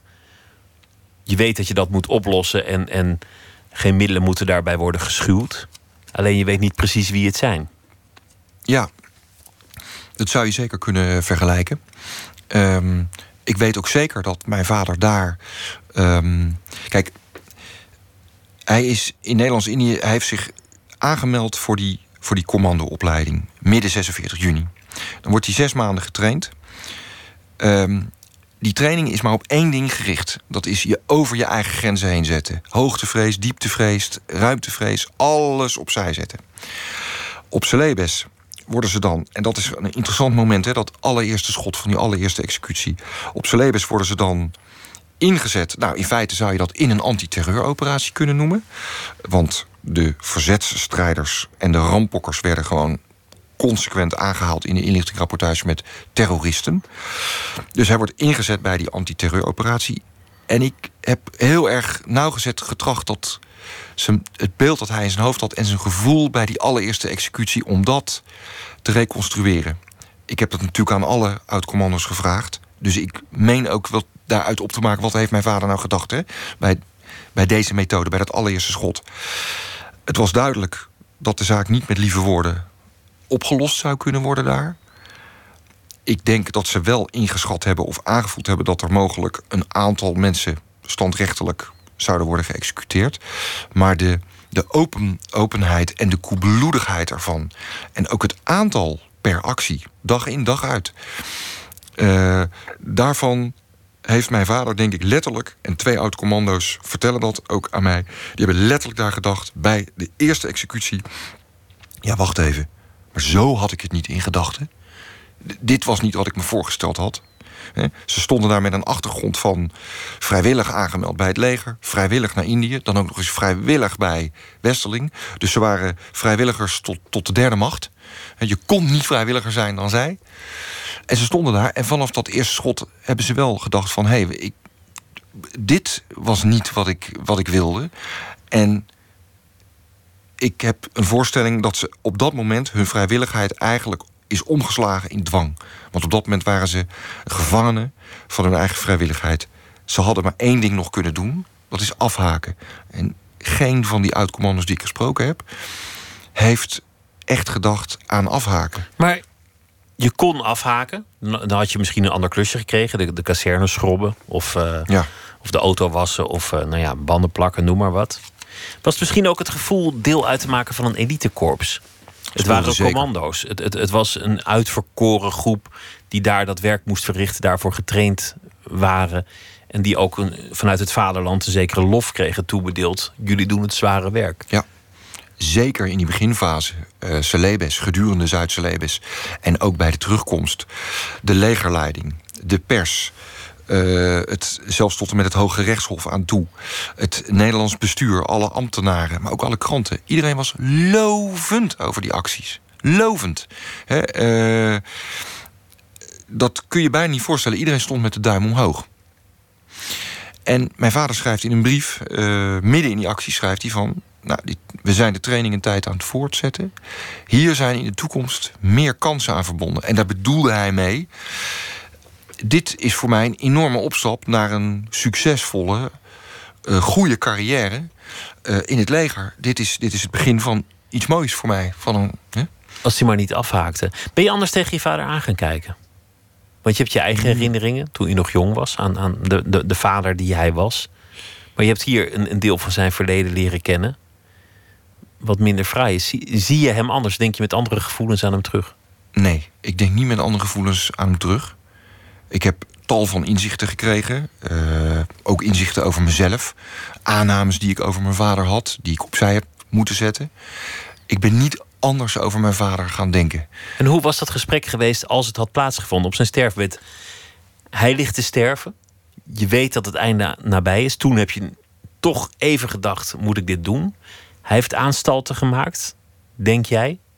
Dat weet je eigenlijk ja, niet weet zeker? Ja, weet ik zeker, want ik weet dat hij tegen anderen op, hij was heel erg verzwakt toen. Zijn volume was uh, zwak. Een van zijn beste vrienden was op bezoek. En toen heeft hij iets verteld over Zuid-Celebes. Hij heeft gezegd... Een opmerkelijke uitspraak. Hij heeft gezegd... Ik was er zelf niet bij, maar daar hebben oorlogsmisdaden plaatsgevonden. Dat is zeker, dat moet haast wel. Dat heeft hij, hij heeft daar enorme energie voor opgebracht om dat zo hard in volume te kunnen uitspreken. Dat hij zeker wist dat ik die kamer verder zat, dat zou horen. Ik heb toen, weet ik nog, ik zat op mijn eigen kamer, gedacht. Ik, ik, ik, wil, ik moet hier meer. Ik moet eigenlijk nu dat gesprek daar onderbreken en daar meer over vragen. Dat heb ik niet gedaan. Dit boek is uh, het goedmakertje daarvan. Dit boek is eigenlijk. Ja, het. het, het, het, het nou, hoe moet ik het zeggen? De, de, de wiedergoedmachung, of hoe moet ik het noemen? Drie jaar werk voor een kwartier dat het gesprek voor een kwartier zou hebben. Ja, of een half uur misschien. Ja. En ik had het hem iets eerder nog, toen hij nog niet zo ziek was en nog niet zo zwak was, had ik het hem moeten vragen. Het is, ik heb ook wel contact met zoons van oud-knillers. Dat is dan, die hebben dan niet misschien direct bij elite-eenheden gezeten. En het is wel overal hetzelfde liedje geweest. Opa uh, of vader heeft er nooit over gesproken. Er werd niet over gesproken. En uh, toen is hij doodgegaan. En ja, we weten wel dat hij in Indonesië hele heftige dingen heeft meegemaakt. Maar we hebben er eigenlijk in de familie nooit over gehad. Dat is toch wel het mainstream verhaal. Er zijn maar heel weinig mensen die hun vaders of hun opa's op een stoel hebben gezet. En echt hebben gevraagd: vertel eens, wat heb je meegemaakt? Wat heb je gedaan? Wat heb je gezien? Wat heb je niet willen zien? Wat kon je niet zien door je opvoeding, door de voorlichting enzovoort. En heb je spijt? Heb je ooit uh, uh, gevoelens van vroeging gehad? Is het een trauma geworden? Want dat blijkt uit de interviews die jullie in andere tijden afnamen, dat één van de geïnterviewden zijn hele leven echt gebukt is gegaan onder de last en, en de beelden van wat hij toen gedaan heeft. Ja, en dat is er inderdaad eentje. Ehm, of ik moet eigenlijk zeggen, het zijn er twee. Uit commando Hey in, ehm, in het boek. Die is in 93, moet je dat voorstellen. Die is in 48, 49 uit Indonesië teruggekomen. Die is in, in 93 pas ingestort. En die is toen naar het traumacentrum in Oostgeest gegaan. En in 2003 heb ik een tweede uh, persoon ontmoet... die, zou je kunnen zeggen, posttraumatische stressstoornis had. Dat was uitcommando Hans. Ehm, die, die sprak ik aan op die reunie, die was daar wel. Die sprak met niemand, de hele dag niet. Die zat zijn bord nasi op te eten en andere uitcommanders hadden me al gehint. Hij zat wel bij die groep van het depot speciale troepen. De man had de hele dag al gezwegen. Ik kende die man ook niet. Uh, toen zei ze, je moet Hans eens vragen. Hans is nog helemaal na Galung Lombok, helemaal bij de... Toen het, toen het totaal, je bijna lunatic, hè, toen het totaal... Toen iedereen helemaal doorgedraaid was, is hij nog mee geweest op acties. Um, en ik sprak die man aan en ik keek die man diep in zijn ogen... en die man die zat midden in... Die zat midden in Zuid-Celebes. Dat was, die zat midden in de rimboe met zijn ogen. En die lepelde dus ook op tegen mij. Die zei, meneer Hitskus, uw vader, Piet Hitskus, A-compagnie, derde peloton, prima vent, kon je van op aan, heeft me nooit teleurgesteld. Uh, ik zou u heel veel kunnen vertellen, maar ik wil nergens meer over praten. Want als ik nu met u dat gesprek zou voeren, kun je me morgen opnemen in een psychiatrische inrichting. En dat was zijn hele verhaal. Toen liep hij weg, toen ben ik hem achterna gelopen. Toen heb ik hem gevraagd, kan ik niet gewoon toch met u praten en dat ik, uw naam interesseert me verder niet. Ik wil gewoon horen van u wat u allemaal denkt. En wat u heeft gezien en wat u heeft meegemaakt. En toen zei hij lange tijd niks. En toen zei hij, ik geneer me. Toen begon hij te huilen. Toen heb ik hem... Ja, ik heb mijn excuses aangeboden. Ik ja, sorry, neem me niet kwalijk. Ik wil niet opdringerig, ik wil niet drammerig zijn. Zei hij, jij bent het niet, jongen. Het zijn de herinneringen. Nou, toen liep het kippenvel wel over mijn rug ook later op die dag, op die reunie, heb ik gehoord dat deze man dus al 40, 50 jaar lang de gordijnen niet meer open had gedaan thuis. En ja, dat is een schoolvoorbeeld van, van PTSD. Uh, interessant is overigens dat de, de, de, de grootste groep van de blanke jongens van de uitcommando's, dat zijn er zo'n 25, de rest waren Ammonese jongens, dat de blanke jongens eigenlijk daar zonder psychiatrische hulp heel goed zichzelf doorheen geholpen. Die hebben eigenlijk zelf hulp verricht. Hè. Er was niemand die in hun verhaal geïnteresseerd was na de oorlog. Er stonden niet tien legerpsychiaters onder aan de loopplank. Dat uitte zich wel eens, en dat zijn ook opmerkingen, die, zitten ook in het boek. Later heb ik die beter kunnen plaatsen. Een neef van ons in de familie ging naar Libanon. En die kwam terug en die was getraumatiseerd. En mijn vader was daar behoorlijk cynisch over. En die heeft toen uitspraken gedaan, ook in de familie van... ja, die moderne militairen, hè, dat was Libanon-missie, ik weet niet meer, jaren tachtig ja, tegenwoordig is het met militairen zo... als ze één schot lossen, staan er meteen tien legerpsychiaters omheen. En daarin zat de verbittering over zijn, over zijn eigen lot. Ja. Het is inmiddels ook een politieke kwestie, uh, al, al vele jaren. Nog niet zo lang geleden uh, heeft de Nederlandse regering gezegd... we willen in de relatie met Indonesië vooral vooruitkijken... en niet omkijken. Dat is natuurlijk één kant van de zaak. Hoe moet je dat afhandelen? Wat volgens mij hoe dan ook belangrijk is, is dat die geschiedenis verteld wordt en in niet verhullende termen. Heel veel historici hebben nog steeds de neiging om er zeer verzachtend over te spreken. Voor jouzelf, heb, je, heb jij nu eerder de neiging om, om het van je af te werpen? Ik heb, ik heb het gehad, ik heb er jaren zo hard aan gewerkt om dit verhaal boven te krijgen. Nu moet het maar eens afgelopen zijn. Vooruitkijken, niet omkijken. Of, of is het nu echt jouw onderwerp geworden? Nou, ja, het, is, het is wel mijn ding. Het is wel mijn onderwerp geworden. Ik geloof dat ik iets ben gaan begrijpen van het mechanisme, hoe het werkt dat je als held vertrekt uh, met hoge verwachtingen en als halve misdadiger terugkeert. Ik snap dat mechanisme op bestuurlijk gebied, op militair gebied op micropsychologisch gebied. Hè? Hoe werkt dat als je in een groep zit? Er is groepsdwang, er is vrijwilligheid als dwingend mechanisme. Ik geloof dat ik daar iets van ben gaan begrijpen. Uh, en ja, het, het, het is natuurlijk een uitspraak van, van Mark Rutte. Uh, ook naar aanleiding van overleg met zijn Indonesische uh, collega. we willen als Nederland uh, in de relatie met Indonesië vooral vooruitkijken. Nou, ik zou bijna zeggen, uh, ik heb dit diepteonderzoek in het verleden gedaan... juist omdat ik vooruit wil kijken. Ik zou het heel mooi vinden. Ik heb niet veel potentie met dat boek, maar ik zou het heel mooi vinden... als we daar als land iets van zouden kunnen leren. En de grote lesson learned voor mij is ook dat we als Nederland uh, geen haar beter zijn dan landen als Frankrijk, Amerika, uh, Rusland. Hè. Dat zijn altijd landen waar we naar gewezen hebben. Nederland is een gewoon land geworden. Heel gewoon land. Ik vind, een aantal jaar geleden heeft de grote uh, socioloog Abraham de Zwaan daar een geweldige uitspraak over gedaan. De man van het boek van Compartimenten van Vernietiging. Hè, die schrijft over genocides en massaslachtingen.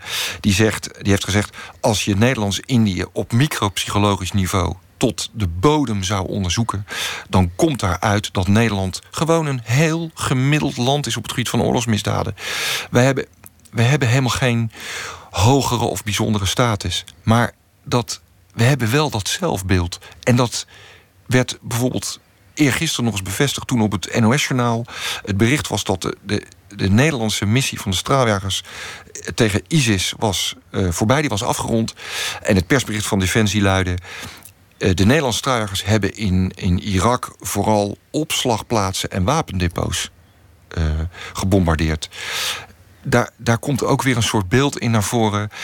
Uh, dat we een soort angst hebben om gewoon te zeggen: wij gooien gewoon ook bommen op mensen. Want dat vinden we soms. Vinden we soms nodig. Daar kun je natuurlijk, en daar moet je ook over discussiëren. Maar we hebben een heel schoon beeld van onszelf in Nederland. En dit boek laat denk ik wel zien. Um, dat wij helemaal niet anders zijn dan andere volkeren daarin. Ik denk dat het goed is om dat soort dingen te erkennen en dat het ook te maken heeft met een zekere mate van professionalisering ten opzichte van de jaren 40, maar het geldt voor ieder conflict. Dat je, dat je dit soort misstanden kunt voorkomen met training, instructies en een organisatiestructuur. Het gaat niet alleen om, om slechte mensen die slechte dingen doen. Ik denk dat het gaat om mensen die in bepaalde omstandigheden worden gedreven tot iets slechts. Ja. En al die omstandigheden waren hier aanwezig. Ja, de omstandigheden zijn uh, heel erg bepalend. De persoonlijke voorgeschiedenis is dat ook.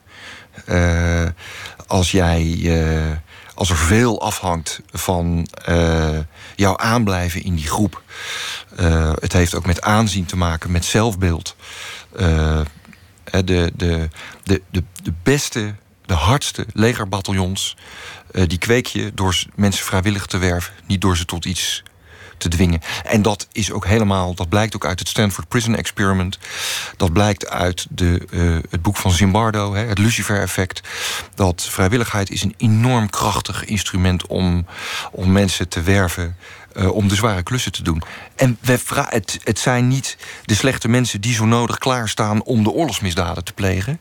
Het is ook de samenleving die dat destijds, en dat zou zomaar weer opnieuw kunnen gebeuren, die dat ook van hen vraagt. Hè. Ruim de rotzooi op. En doe, doe daar je werk. Die vraag die jij als jongetje stelde: heb je iemand vermoord, papa? Daar zullen we het nog wel over hebben, jongen. Wat zou hij nou gezegd hebben? Hij zou gezegd hebben: uh, ja, ik heb mensen doodgeschoten in situaties die niet als gevechtssituaties aanvoelden, maar die eigenlijk neerkwamen op ordinaire vergelding, contra-terreur, um, enorme door mensen neer te schieten enorm shock-effect in de bevolking ook uh, teweeg te brengen. Mensen waarvan we wel vermoeden dat ze misschien schuldig waren, maar waarvan we het gewoon niet officieel hebben vastgesteld. Um, hij zou daaraan toegevoegd hebben um, dat hij daar in Indië, tijdens die executies, de, de vuile achterkant van zijn eigen goede bedoelingen ontdekt heeft. He? De, de, de, de smerige keerzijde van goede bedoelingen. Um, hij zou ook gezegd hebben in dat antwoord dat hij in Indonesië, in die twaalf, zeker in die twaalf weken celebes, dat hij iemand anders is geworden. Omdat hij had gezien wat er ook in hem zat. Ik denk als je het een half jaar voor Zuid-Celebes gevraagd zou hebben: kun jij dit? Zou je dit kunnen? Mensen executeren? Dan zou hij en de andere oud-commanders zou gezegd hebben: daar ben ik niet toe in staat, dat kan ik niet. Maar uiteindelijk blijkt, je kan het wel. En dat is natuurlijk ook de shock de, de shock van het in de spiegel kijken van... mijn god, ik kan het. Wat al die uitcommando's hebben gehad. En mijn vader is misselijk geweest op Zuid-Celebes. Daar klaagt hij over in brieven. Die misselijkheid is een soort fysieke reactie geweest van de shock. En ik heb de vraag durven stellen aan mezelf... is dat de shock geweest van het executeren... of is dat de schok geweest van dat mijn vader zich realiseert... dat executeren misschien wel veel makkelijker is dan je denkt als je maar heilig overtuigd bent van het doel van het executeren. Dat jij aan de goede kant staat. Het boek heet Thuis gelooft niemand mij. Zuidse Lebes 1946-1947. Maarten Hitskes, dank je wel. Dank je wel. Zometeen gaan we verder met uh, Nooit meer slapen. Twitter, het VPRO NMS. We zitten op Facebook en u kunt zich abonneren op de podcast via iTunes of de site van de VPRO.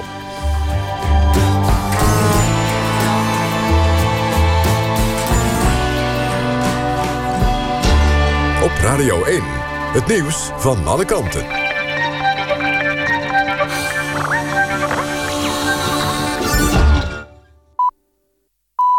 1 uur, Lot Lewin met het NOS-journaal. Nabestaanden van slachtoffers van de decembermoorden... zijn zwaar teleurgesteld over de gang van zaken rondom het proces.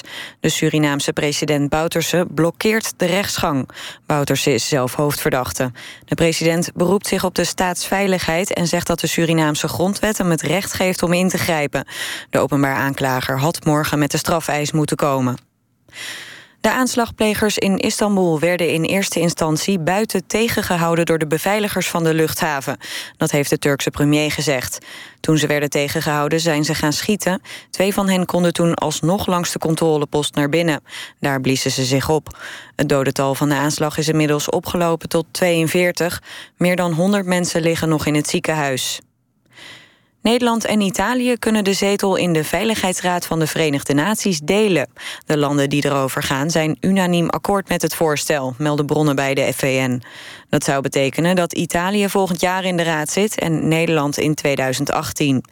Gisteren stemde de Algemene Vergadering van de VN over de verdeling van de zetels, maar na vijf stembrondes kwam er nog steeds geen winnaar uit de bus. Een van de zwarte dozen van het toestel van Egypt Air... heeft waarschijnlijk de hele vlucht tot aan de crash vastgelegd. De onderzoekers hebben de gegevens inmiddels uitgelezen. De onderzoekscommissie waagt zich nog niet aan een theorie... over de oorzaak van de crash in de Middellandse Zee eind mei. Persoonsgebonden budgetten worden in de toekomst niet meer uitbetaald via de Sociale Verzekeringsbank. De coalitiepartijen VVD en PvdA willen dat de staatssecretaris een alternatieve uitvoerder zoekt. Dat willen ze omdat er bij de SVB van alles is misgegaan bij de uitbetaling van de PGB's, waardoor zorgverleners en cliënten in moeilijkheden kwamen. En dan nog het weer. Af en toe een bui. Vannacht is het 15 graden. Ook morgen regen. Tegen de avond wordt het pas droger. Het wordt rond de 20 graden. Dit was het NOS Journaal. NPO Radio 1. VPRO. Nooit meer slapen.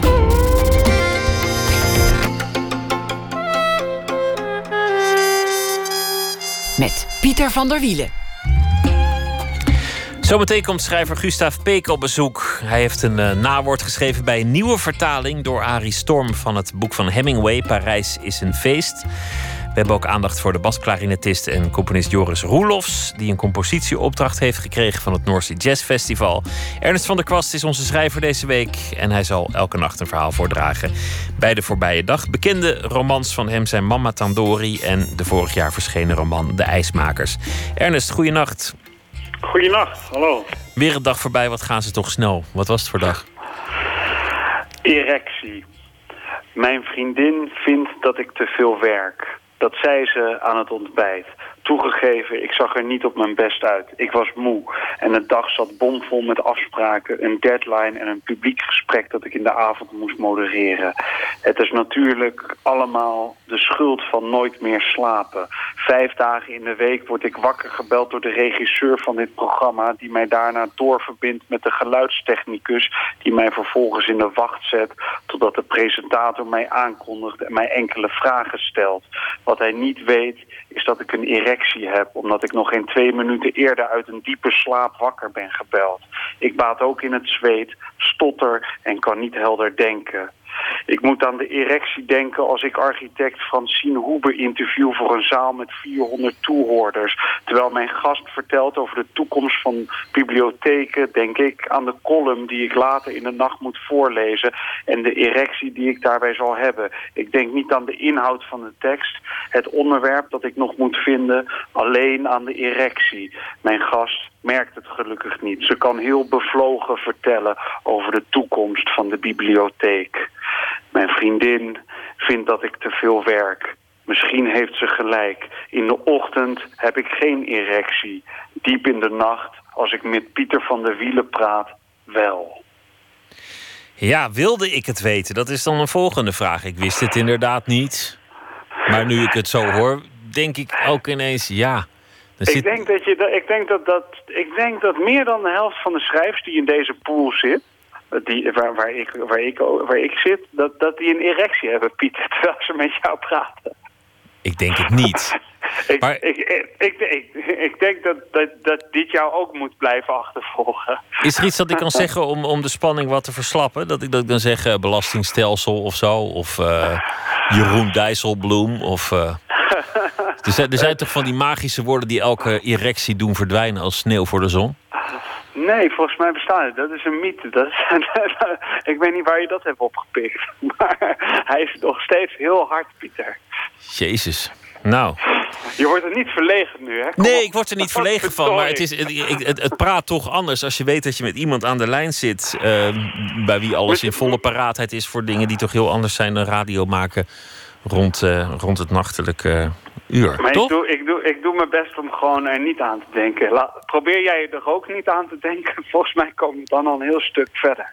Goed, ik ga heel hard uh, niet aan jouw erectie denken. Uh, Goeienacht, graag weer uh, tot morgen. Dan bellen we je wakker en dan zal ditzelfde ritueel zich herhalen. Ernest van der Kwast. Maar dan hebben we het er niet over, hè? Nee, doen we gewoon alsof er niks aan de hand is. Ernest, goeienacht. Ciao, slaap lekker. Oh nee, ik ga slapen.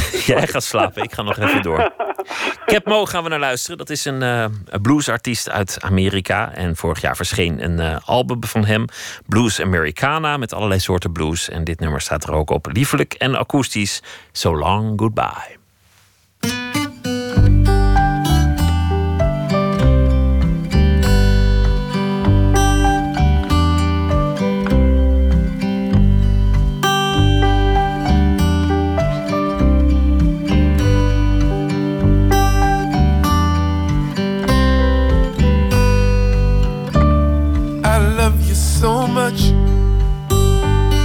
There's magic in your touch.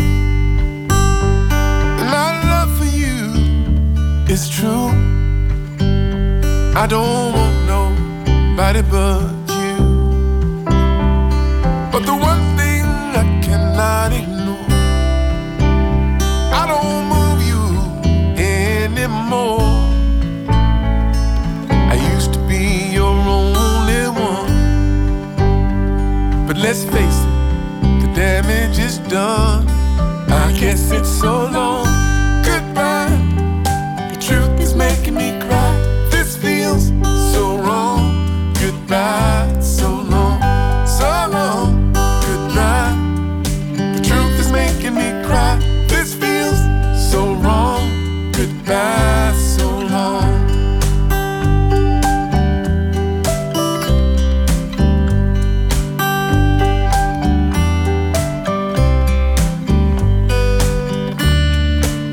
Wish I could change, but that to me would be really strange.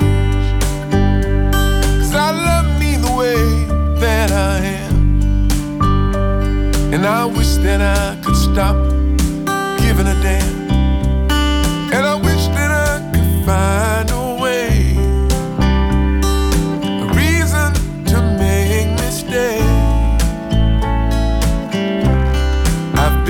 for you. I don't know what else to do. I guess it's so long. Goodbye. The truth is making me cry. This feels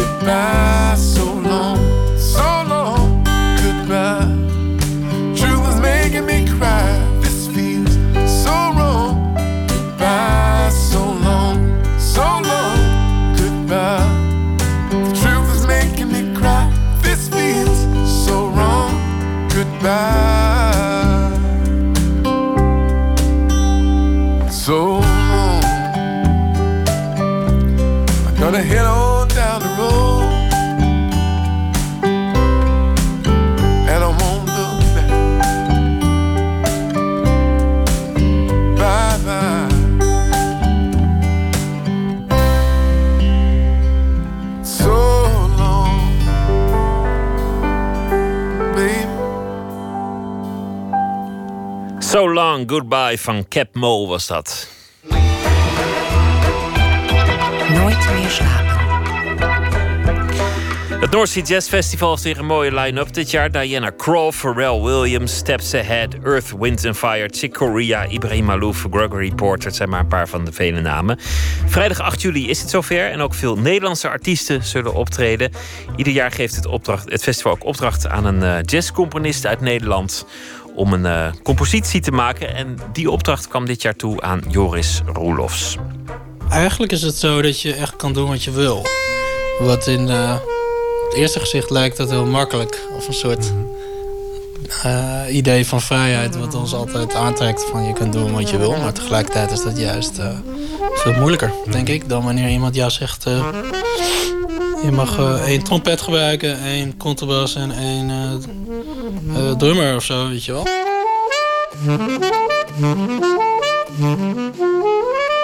Een van de eerste dingen die Joris mij vertelt is dat hij zichzelf pas onlangs voor het eerst componist heeft genoemd. Terwijl hij in 2007 al zijn eerste album opnam, op zijn 23ste. Hij zei het dat dit toen nog op de saxofoon was. Tijdens mijn middelbare schooltijd, ik was toen ook al eh, redelijk wat eh, aan het spelen tegen, ja, in de eh, vijfde en zesde klas. Dus vrij jong kreeg ik veel kansen om te spelen, waar ik nog steeds heel dankbaar voor ben. En, ik kon eigenlijk nog helemaal niet zo goed spelen, maar ik mocht wel de hele tijd spelen overal. Joris is pas 16 jaar oud wanneer hij in Amsterdam naar het conservatorium gaat. Op zijn 17e wint hij de Pim Jacobs Muziekprijs. En twee jaar later kreeg hij als eerste niet-Amerikaan de Stan Getz Clifford Brown Fellowship Award. Op zijn 28e wint hij een Edison met zijn album Live at the Bimhuis. Hij studeerde in New York en speelde in het jazzorkest van het Concertgebouw.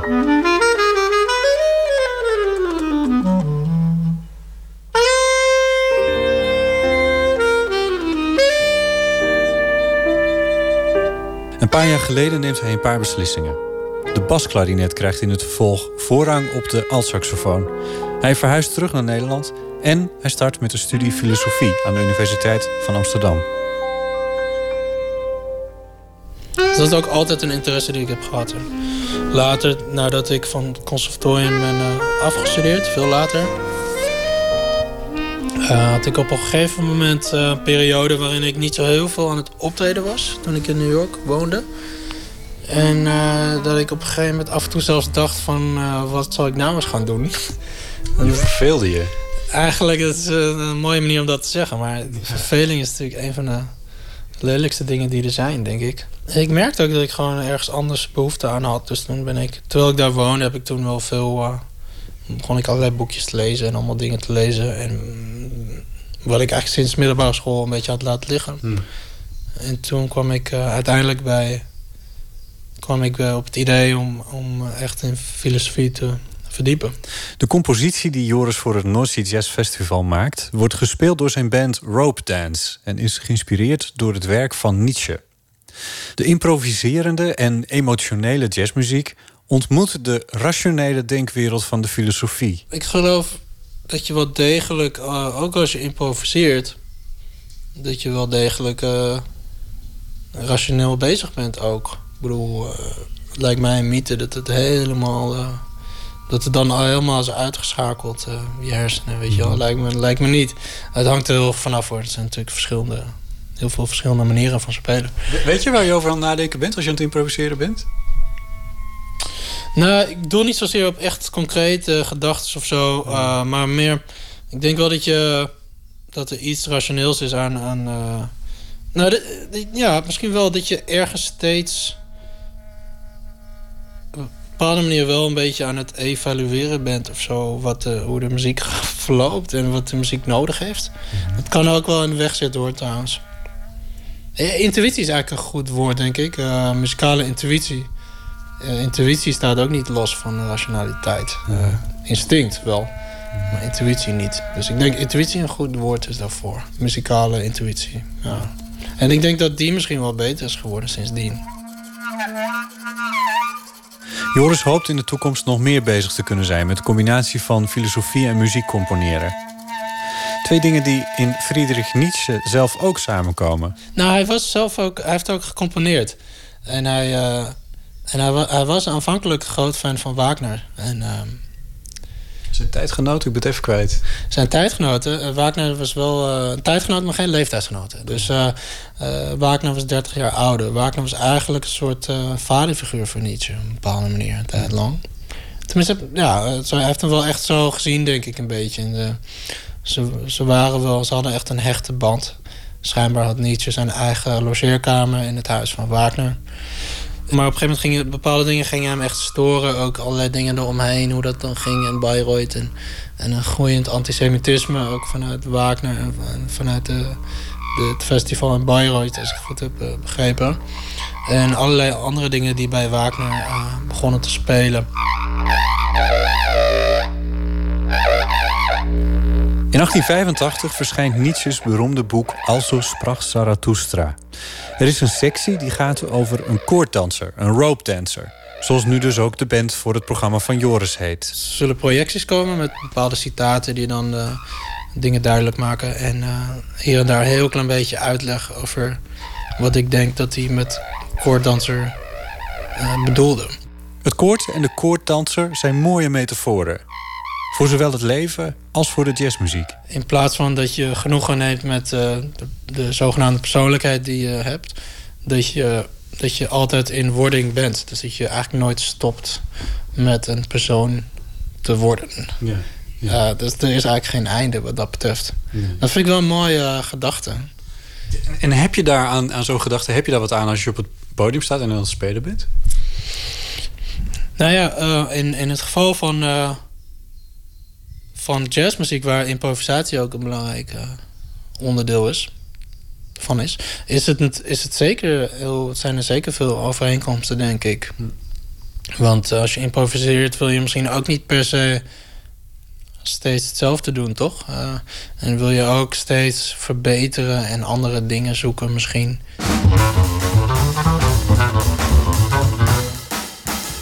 Nadat de koorddanser is gevallen, zegt Zarathustra tegen hem dat hij niet heeft gefaald, omdat hij van het gevaar zijn roeping heeft gemaakt. Ik vraag me af in hoeverre Joris van het gevaar zijn roeping heeft gemaakt. Hij staat immers met zijn eigen muziek op een podium. Dat is niet iets wat veel mensen durven. Nee, dus dat, dat is zeker een overeenkomst. En dat je ook uh, het uh, idee van dat je met onzekerheid bezig bent. Of in de zin van uh, qua tijd. Dus dat je je tot de toekomst uh, verhoudt. Die nog niet is ingevuld. Uh, en dat hoort bij improvisatie. En dat is inderdaad wel iets waar je dan een soort van wel moed voor nodig hebt. Ja.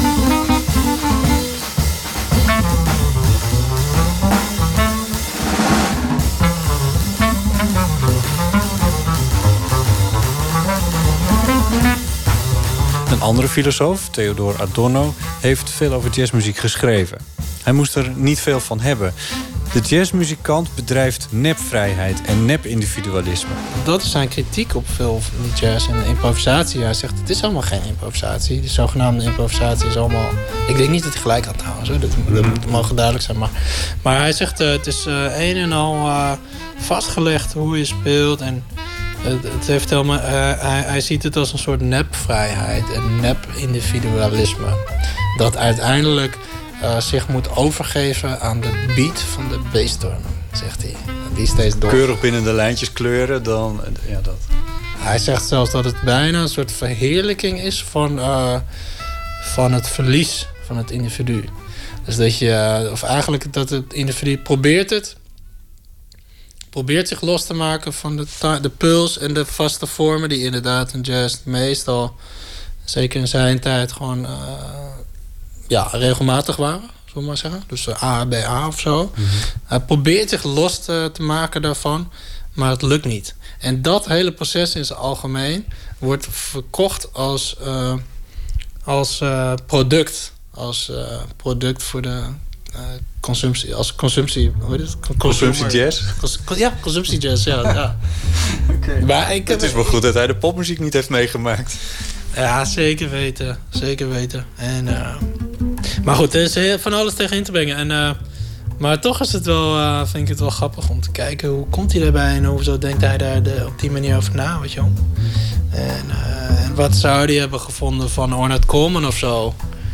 Die wel degelijk ook eh, die vormen juist weer vrijlaten, weet je wel. En- maar zelfs in zijn tijd had hij Charlie Parker kunnen horen. En, eh, en hij praat over de spontane mensen, die, de mensen die spontaan moet zijn en verantwoordelijkheid neemt. En, eh, ik zou zeggen dat Parker, eh, ja, bedoel, dat is zo, op zijn manier is dat zo vrij hoe hij speelde, weet je wel. En, eh, dat had hij toch al als muziekkenner en componist was hij ook eh, moeten erkennen, denk ik.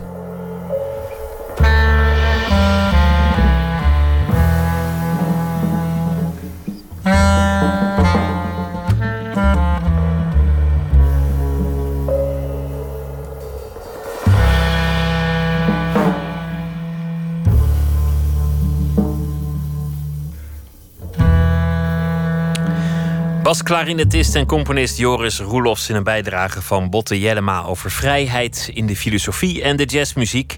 De compositieopdracht van North Sea Jazz Festival eh, heeft Joris eh, inmiddels uitgevoerd. Dat festival is uitverkocht, maar de dagen ervoor is hij ook nog te zien en te beluisteren. 6 juli in Lantaarn Venster in Rotterdam en de dag daarna in het Bimhuis in Amsterdam. Uit Canada komt de singer-songwriter Matthew Barber. Zijn zus Jill, die er een zelfstandige carrière als muzikant op nahoudt. Daarmee heeft hij voor één keer samen een album gemaakt. De Family Album. Vol met liedjes en ook stukken van anderen. Van die andere beroemde Canadezen, bijvoorbeeld Neil Young. Hier is Come a Time.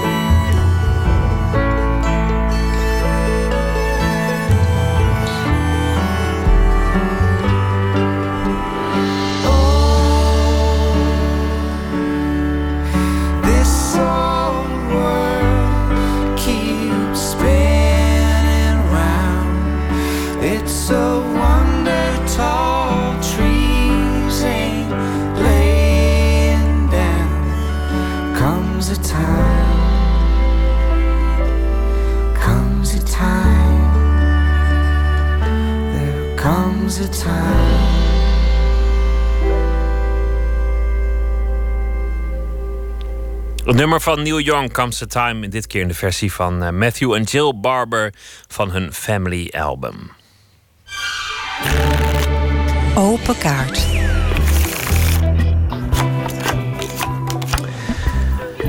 150 eh, kaarten met op elk een vraag en de willekeur bepaalt zo mede het gesprek. Parijs is een feest van de Amerikaanse schrijver Ernest Hemingway. Een ode aan de stad Parijs en een ode aan uh, het leven. En ook een herinnering van Hemingway aan zijn periode daar, kort na de Eerste Wereldoorlog. Een nieuwe uh, vertaling is verschenen, door Arie Storm vertaald in de reeks Privédomein. Met ook nieuwe passages die niet eerder zijn uitgebracht. En een nawoord van schrijver en Hemingway-fanaat Gustav Peek. Hij is een literair kind van Hemingway, heeft hij wel eens gezegd. Zelf heeft hij ook vier boeken op zijn naam staan. Zijn meest recente uh, heet Godin Held. Welkom, Gustav Peek. Dankjewel, Pieter. Het, het is een, een, prachtig boek dat ik, dat ik vaak gelezen heb. Paris is a feast. Als je jong bent geweest en je hebt in Parijs gewoond, draag je dat de rest van je leven met, met je mee. De achtergrond die jij in het nawoord beschrijft, die kende ik eigenlijk niet. Dit is een boek dat hij zelf nooit heeft willen uitbrengen. Nee, klopt. Klopt. Het, uh, hij was er ooit uh, uh, met goede moed aan begonnen, mid jaren 50.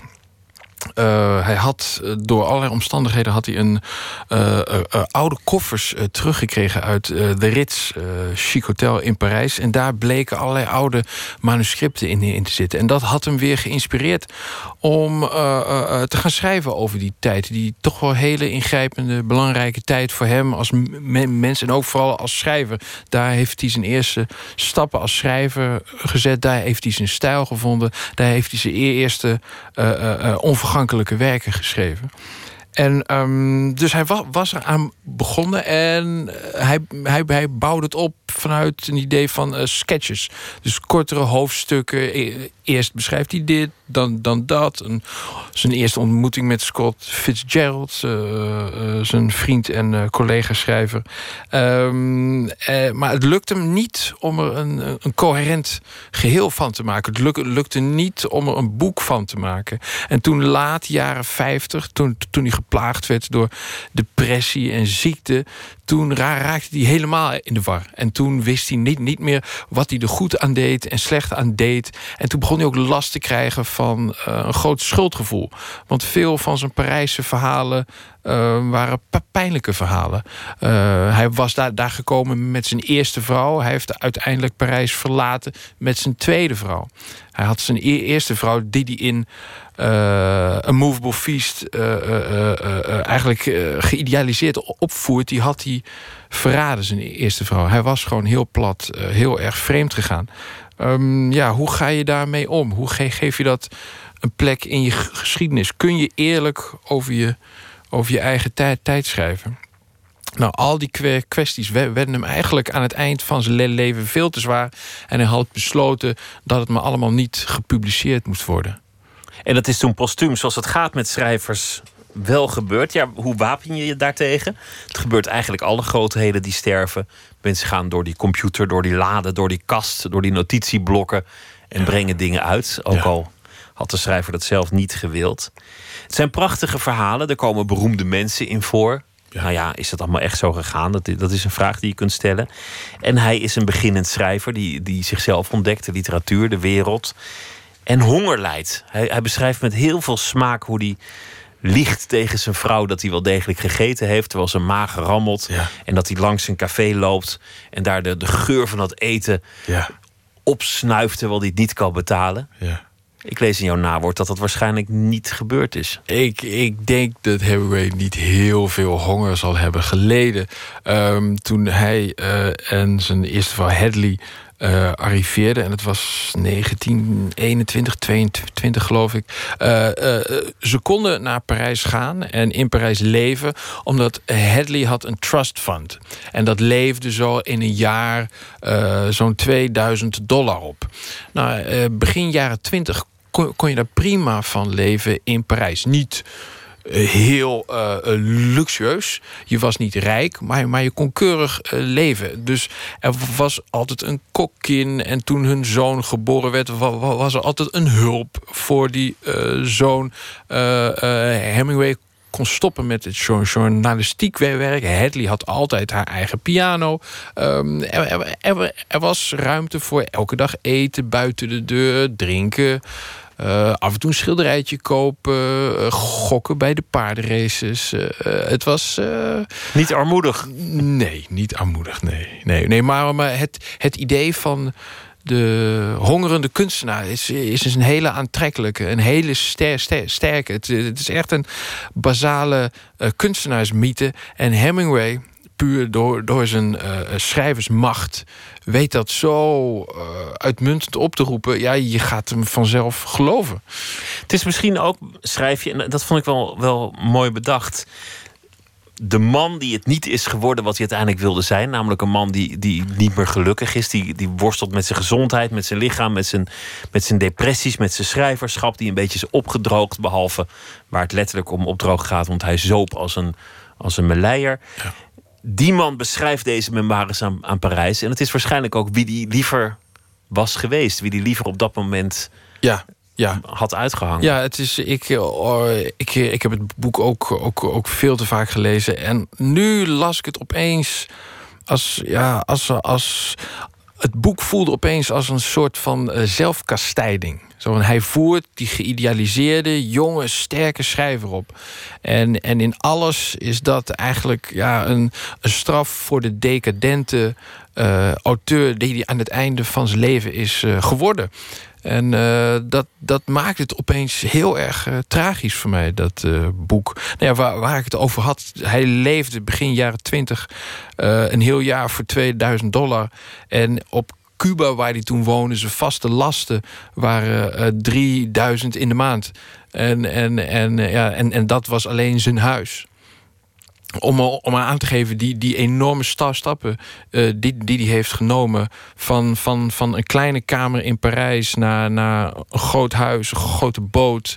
eh, waar hij woont met zijn vierde vrouw. Ge- Geen enkel huwelijk is gelukt. Zijn lichaam, waar, waar hij altijd zo tro- trots op was, valt uit. Zijn hoofd, zijn, zijn intellectuele capaciteiten, waar hij zich altijd zo op eh beriep, ja, die vielen uit. Die lieten hem in de ste- steek. Dus het enige wat, hij, nog had, was ja, dat, dat beeld, dat, dat, dat, dat visioen bijna van de stoere, sterke jongen die die was, die die prachtige verhalen schreef. Het boek werd vorig jaar een eh, bestseller na de tragische gebeurtenissen in Parijs eh, van november. Stond ineens in Amerika weer op nummer 1 in de bestsellers eh, top 10. Iedereen wilde mooie verhalen over het mooie Parijs dat ze gedroomd hadden. En niet verhalen over bloedvergieten. Nu een Nederlandse editie. Parijs is een feest. We gaan beginnen met de kaarten. Ik ben benieuwd welke vragen we toebedeeld krijgen door het lot. Ik wil je vragen er één te trekken. Oh god, ja, daar gaan we. Doe maar een willekeurige halverwege. Halverwege.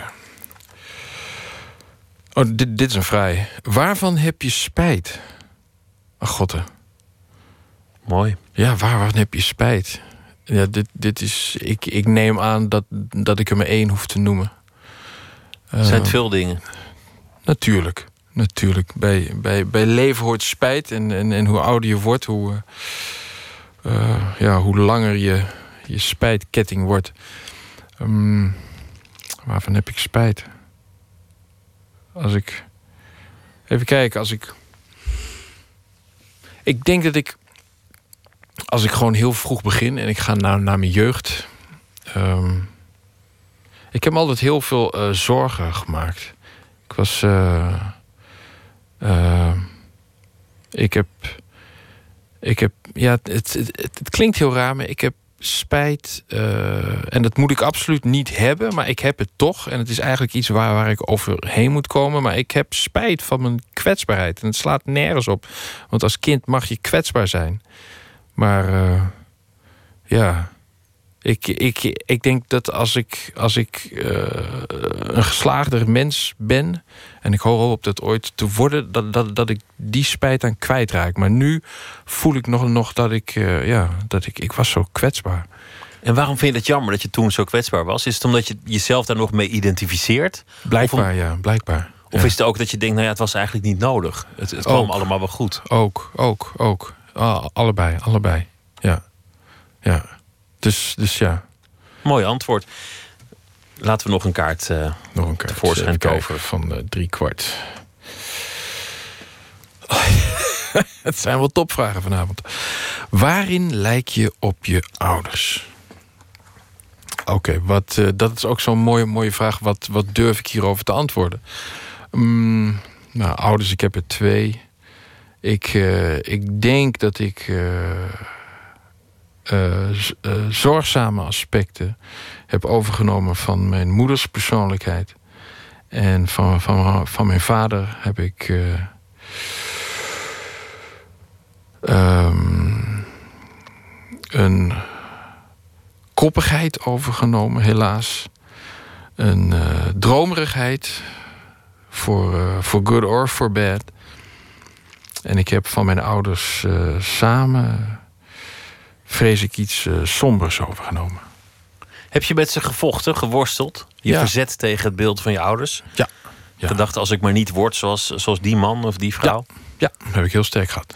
En wat waren dat dan voor dingen? En hoe uitte zich dat in je, in je leven? Uh, ik, ik, ik ben niet op de meest tolerante manier opgevoed. En dat is, uh, dat is niet wat ik zelf wil, uh, wil uh, overnemen. Wat ik wil emuleren. Ik, ik ben niet altijd even liefdevol opgevoed. Dat is ook zeker niet iets wat ik richting mijn eigen dochter na wil doen. Dat soort zaken. En dat is moeilijk als je zelf een dochter hebt om dan niet je eigen opvoeding te imiteren. Ja, dit, het is een issue. Ja, je, je ontkomt er niet, niet aan om daaraan te denken. En nu spreek ik al over mezelf in de tweede persoon. Laten we nog zo'n kaart uh, trekken. We, we, hebben een goede hand vandaag. Nu, nu een makkelijk hoor. Oh, wat, wat is je favoriete personage uit boeken, films of theater? Moet ik kiezen? Ik denk dat we voor boeken moeten gaan, omdat boeken? je schrijver okay, bent. Voilà. Uh, mijn favoriete personage? Mijn god. Um, Oké, okay, gewoon het eerste wat me te binnen schoot. Je hebt uh, een boek van uh, Paul Auster. En het heet The Music of Chance. En uh, dat draait om een hoofdfiguur. En, en die kerel heet Nash. En hij rijdt, geloof ik, in zijn saap. Rijdt hij heel Amerika door. En wat hij eigenlijk aan het doen is. Hij is geld van een erfenis aan het opmaken. En hij rijdt heel Amerika door, heel Amerika door. Um, en het is een soort existentiële tocht. En hij eindigt uiteindelijk um, samen met, met nog een andere uh, figuur bij uh, twee heren. En die heten Flower en Stone. En door een verloren kaartspelletje uh, moet Nash een muur bouwen. Als een, als een soort moderne slaaf moet hij een muur bouwen. Dus een man die door heel Amerika rondrijdt en uiteindelijk een muur moet bouwen. Nash uit The Music of Chance. Nou, die passie voor Amerika die is bekend. Dat, ja. die, die, die heb jij zeker. Komt ook terug in je, in je, in je boeken. Niet, niet zozeer in je laatste boek, maar het boek daarvoor ging, ging daar heel erg over. Mm -hmm. um, een erfenis, speelt dat eigenlijk in jouw leven? Ja, ook. Ik neem het heel letterlijk hoor, maar, maar, maar ben je iemand die, die geld heeft gekregen van huis uit? Ja.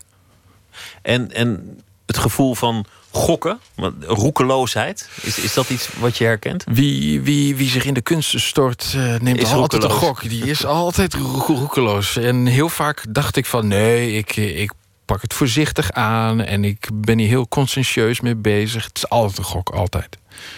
Laten we nog uh, één kaart doen en dan hopen op de, de ultieme vraag. Gewoon de vraag die alles zal zeggen. Oh, nou ja, dit, wie of wat bezorgt jouw plaatsvervangende schaamte?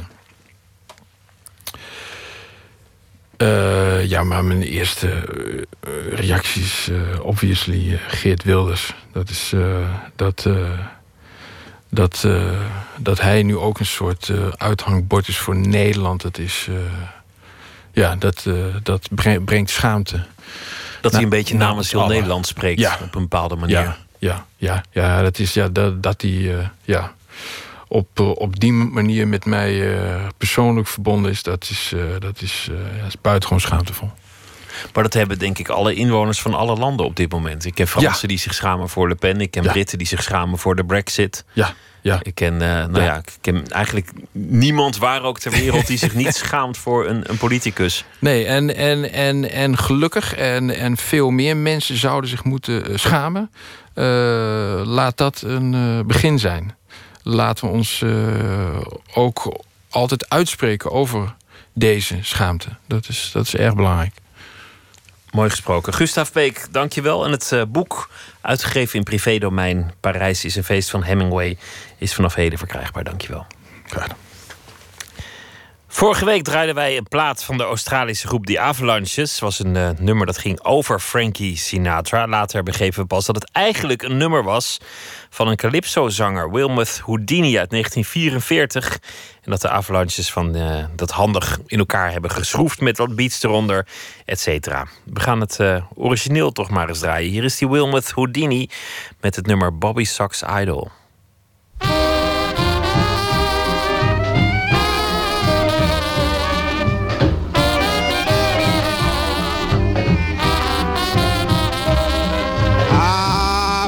Sinatra.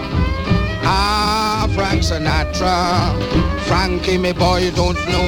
You have a perfect voice to sing calypso. What did they say? Ah, Frankie Sinatra. Ah, Frank Sinatra. Frankie, my boy, you don't know. You have a perfect voice to sing calypso. Why not make it this with the Houdini? Singing the West Indian melody. Frankie, me boy, I'm sure we'll sell two million copies or more. Oh, Frankie Sinatra. Oh, Frank Sinatra. Frankie, my boy, you don't know. You have a perfect voice to sing calypso. It can be Dick Ames or Bing Crosby. Bet me money on little Frankie. I know he have the ability to sing calypso symphoniously. Sinatra. Oh, Frank Sinatra. Frankie, my boy, you don't know. You have a perfect voice to sing calypso. You will be under the Caribbean moon. Frankie will sing, Houdini will croon. Then the Bobby Sox would know I have made you the high priest of Calypso. Oh, Frankie Sinatra.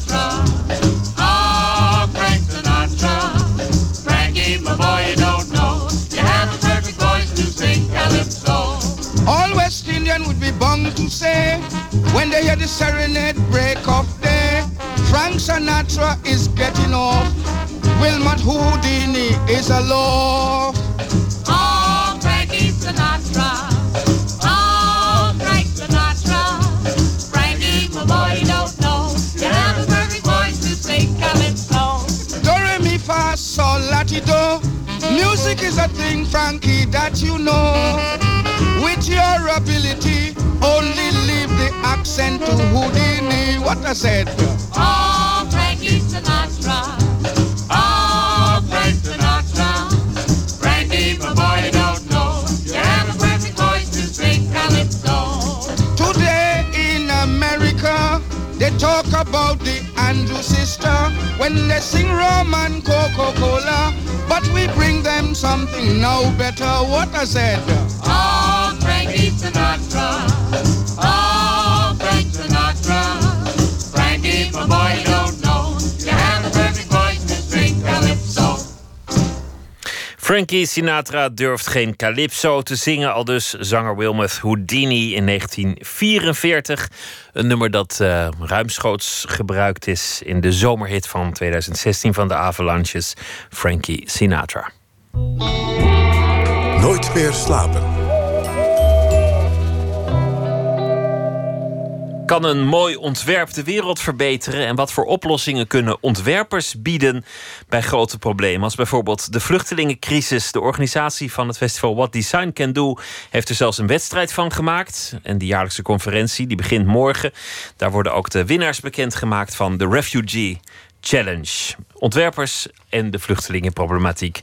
En Nicolaou is nachtcorrespondent. Uh, welkom. Eerst maar even de vluchtelingenproblematiek. Kan ja, niet 65 miljoen mensen wereldwijd op de vlucht. 65 miljoen, zo. Ja, dat is nogal wat. Uh, dat is een enorme dooddoener die ik nu uh, zeg. Um, deze organisatie, What Design Can Do... die schreef dus een wedstrijd uit voor ontwerpers van... ja, kijk eens naar die problematiek in de breedte of in de smalte... en bedenk een oplossing voor een probleem wat je daar tegenkomt. En er kwamen uit, meer, uit 70 landen meer dan 600 inzendingen. Eh, en er is nu een shortlist samengesteld van 25 ontwerpen. En vrijdag wordt de winnaar bepaald. Vandaag heeft de jury uh, overlegd. En ja, dat zijn en het is een hele diverse groep. Het zijn hele uh, jonkies, maar ook oud-gedienden als Ben van Berkel, de ontwerper van de Erasmusbrug in Rotterdam. En ze kwamen echt met de meest uiteenlopende ideeën. Laten we beginnen met het vertrekpunt. Want daar is ook al wat, wat stennis over geweest. Waarom zou je ontwerpers laten kijken naar zoiets groots en, en veelomvattends als de asielproblematiek? Wat, wilde de organisatie? Ja, uh, Dagan Cohen, die is ontwerper en oud reclamemaker onder andere. Die begeleidt die Refugee Challenge.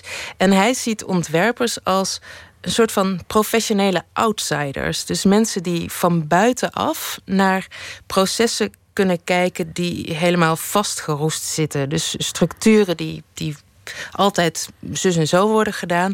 Of naar bureaucratieën bijvoorbeeld. De kracht van ontwerpers is dat ze in staat zijn om eigenlijk hele complexe vraagstukken op een hele simpele en onverwachte manier te benaderen. Elke organisatie, de politiek, en, maar ook NGO's, die leiden toch aan een soort van uh, kokervisie. Op het moment dat jij aan tafel een politicus hebt, een NGO en een ontwerper, dan krijg je een heel interessant gesprek. Ja, wat ik heel leuk vond aan wat hij vertelde, is dat ze heel veel meer inzendingen kregen dan ze verwacht hadden. En dat deze Cohen een hele mentaliteits verandering ziet. Hij vertelde van, nou, toen ik uh, op de uh, kunstacademie zat, toen waren ik en mijn generatiegenoten waren vooral bezig met hoe kunnen we iets heel slims, moois bedenken, wat dan in het stedelijk terechtkomt en waarmee ik uh, heel snel beroemd kan worden. En hij ziet dat er nu veel meer idealisme is. De huidige generatie van ontwerpers en creatieven, ik noem het even dat creatief als een algemene term, ehm, zich veel meer bezighouden met wat voor impact kan ik hebben of hoe kan ik zijn veel meer geëngageerd en denken van welke, waar kan ik het verschil maken, wat kan ik verbeteren, hoe kan ik mijn creativiteit in, uh, in dienst stellen, uh, niet alleen maar om iets heel prachtigs neer te zetten voor in een museum of in een winkel, maar hoe kan ik daar mensen mee helpen. 25 genomineerden geselecteerd door een jury. Wat voor ideeën hebben deze ontwerpers aangeleverd? Ja, het zijn soms hele simpele ideeën. Bijvoorbeeld van de jonge ontwerpers Diederik Derksen en Lodewijk de Vries. En zij werden getroffen door die hele grote kille slaapzalen... met al die uh, stapelbedden in asielzoekerscentra. En zij bedachten van kunnen we niet iets speciaal maken voor kinderen? De cozy cover is eigenlijk een hoes voorom een, stapelbed. Dus het is eigenlijk een, eh, een olifant of een, of een, eh, een kasteel of een, uh, of een bijenprint. En er zitten allemaal vakjes aan de binnenkant. Die, nou ja, daar kun je tekeningen of versieringen of andere dingen in stoppen. Zodat je je eigen huisje creëert in wat eigenlijk normaal gesproken een stapelbed is. Ja, het wordt een soort hut eigenlijk. Dat ziet er wel heel schattig uit. Maar dit is, een, zou je kunnen zeggen, een heel simpel voorbeeld van echt een product. Dus een traditioneel designproduct. Maar er waren ook heel andersoortige ideeën. Heel erg gericht op diensten. Dus bijvoorbeeld een app om kennis uit te wisselen tussen vluchtelingen onderling. Of met de gemeenschap waarin ze dan terecht zijn gekomen. Een pasje waarmee je de omgeving beter kan leren kennen. En waarmee je bijvoorbeeld korting krijgt in winkels. Uh, en waarmee je dus ook zonder geld activiteiten kan ondernemen. Maar ook bijvoorbeeld een tent om buurtbewoners in contact te laten komen met die asielzoekers. En uh, de tv-show Refugees Got Talent. En dat is dan eigenlijk precies wat je denkt dat het is. Ja, het zijn allemaal uh, relatief kleine oplossingen voor, voor deelproblemen van die vluchtelingenproblematiek. De, de titel die geeft een beetje aan alsof er ook de hoop in zit dat je het probleem als geheel kunt oplossen. Ja, ze kijken ook wel echt naar structuren. Dus er zitten wel uh, bijvoorbeeld zo'n pasje waarmee je dan uh, overal. Je kan een pasje overal waar je terechtkomt bij instanties instoppen. En dan staat er meteen jouw status. Dus dan weet je zelf waar je aan toe bent, maar al die ambtenaren ook. En je kan er uh, de buurt mee verkennen. Want mensen verdienen natuurlijk geen geld. Dus uiteindelijk moet je dan wel de politiek weer overtuigen om daar dan bijvoorbeeld mensen het OV mee uh, te laten nemen. Maar ze kijken wel echt naar van vastgeroeste ideeën en zetten die op zijn kop in sommige gevallen.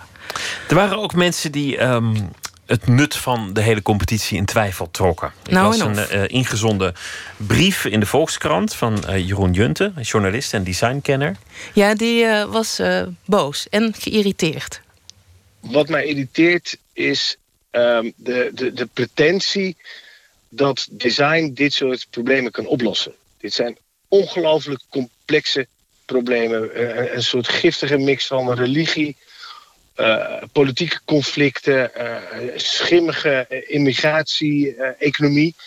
En dat de ontwerpers vanuit hun eh, hippe loftstudiootjes hier pasklare antwoorden voor kunnen bedenken. Die pretentie dat design zeg maar, de wereldproblemen kan oplossen, vind ik echt stuitend. Ja, klinkt inderdaad eh, boos. Ja, hij noemde het in zijn stuk zelfs eh, zelfoverschatting van Trumpiaanse proporties. Vond ik dan wel weer mooi gevonden. En hij noemt het ook paternalistisch. En Dagan Cohen van de Refugee Challenge, die is natuurlijk ja, not amused over dat stuk. En hij, aan de telefoon verdedigde hij het echt te vuurt en te zwaard. Het hele idee achter die wedstrijd. Hoezo paternalistisch? Wij hebben ons onderzoek gedaan, daar hebben we drie maanden over gedaan. We hebben niet alleen met UNHCR samengewerkt, maar we hebben eigenlijk zelf workshops georganiseerd. Waarin vluchtelingen zijn betrokken, eh, eh, lokale autoriteiten, NGO's. Daar hebben de briefing meegemaakt. Hoezo paternalistisch? Als het paternalistisch was, had UNHCR hier niet aan meegedaan. Ja, klinkt ook boos. Nou, iedereen weer lekker boos. ja, eh, hij doet, eh, vond ik wel een mooi pleidooi om juist. Hij zegt van. Ja, dat is eigenlijk ook wel heel cynisch om zo te denken: van schoenmaker blijft bij je leest. Ik ben een ontwerper. Er zijn andere ontwerpers. Waarom niet alleen je goede hart en je slaapzak eh, afgeven, maar gewoon je kennis delen? Dat hoef je niet alleen te doen, maar dat kan je ook met andere groepen samen doen. Dus waarom Nou, niet en samenwerken? iedereen die wel eens beelden van een asielzoekerscentrum heeft gezien, weet dat daar nog wel een ontwerpopdrachtje ligt. Want, want elke ontwerper eh, zou dat beter moeten kunnen doen. Ja, precies. Nou, wie het zelf wil beoordelen of die bijdragen nou mooi en hoopvol zijn, of zelfoverschatting van Trumpiaanse proporties, die kan eh, naar de website eh En vrijdag worden de vijf finalisten bekendgemaakt door minister van Buitenlandse Zaken Koenders. Dankjewel, en Nicolaou. Goedenacht. Pathos en overdrijving is natuurlijk mooi, maar ook dat moet je weer niet overdrijven. En dus zit je dan op dat vlak goed bij Wrong Crowd, het nieuwe album van een eh, 26-jarige Britse zanger en pianist Tom O'Dell. Het is een conceptplaat die het verhaal vertelt van een man die gegijzeld wordt door herinneringen aan zijn eigen jeugd en terugverlangt naar zijn eigen onschuld. We gaan luisteren naar Sparrow.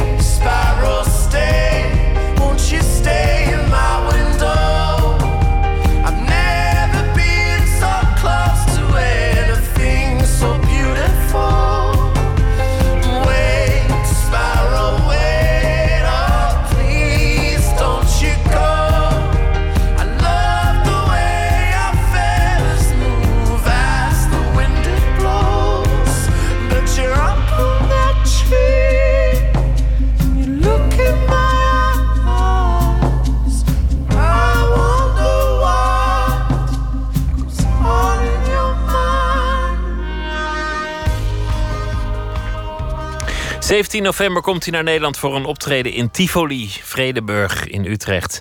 Tom O'Dell met het nummer Sparrow. Jan Glas is beeldend kunstenaar, fotograaf, schrijver en dichter. Deze week zal hij elke nacht een gedicht uitkiezen en voordragen. En hij heeft vannacht gekozen voor een van zijn favorieten: een gedicht van Kreek Dai Owens.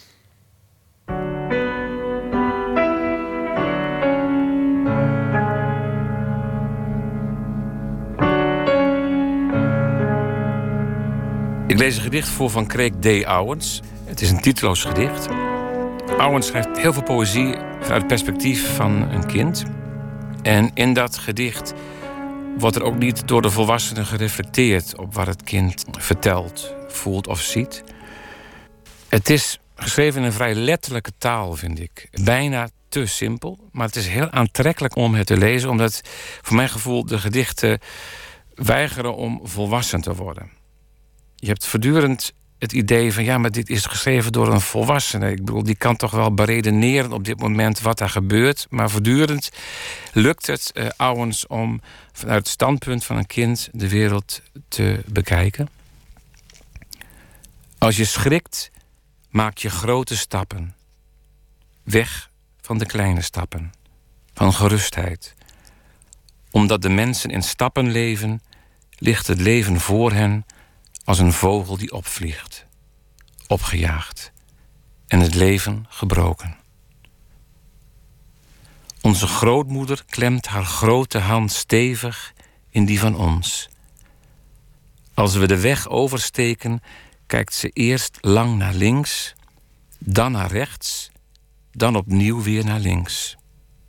De angst neemt ook bezit van ons. Overal ligt gevaar. En we voelen hoe iets onbegrijpelijks op haar drukt. Iets dat ook in ons doordringt. Ze praat. Ze praat over alles en over iedereen. Maar nooit over zichzelf. Let maar niet op mij, ik ben volslagen onbelangrijk. En dan zijn we bij het kleine kerkhof met de ijzeren hekken. En we lopen langs de graven we blijven staan bij het derde graf in de tweede rij. En zo stil blijven we daar staan dat het lijkt alsof alles om ons heen begint te schreeuwen. Jan Glas was dat met een uh, gedicht van Kreek D.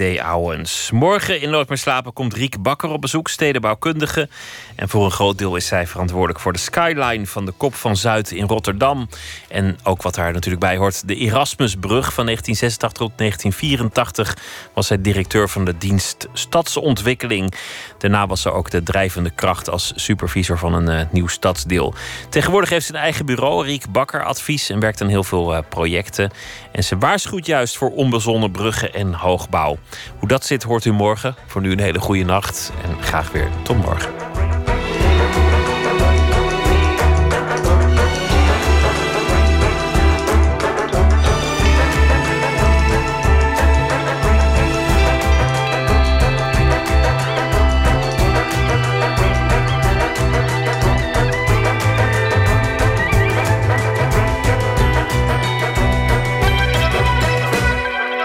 Radio 1, het nieuws van alle kanten.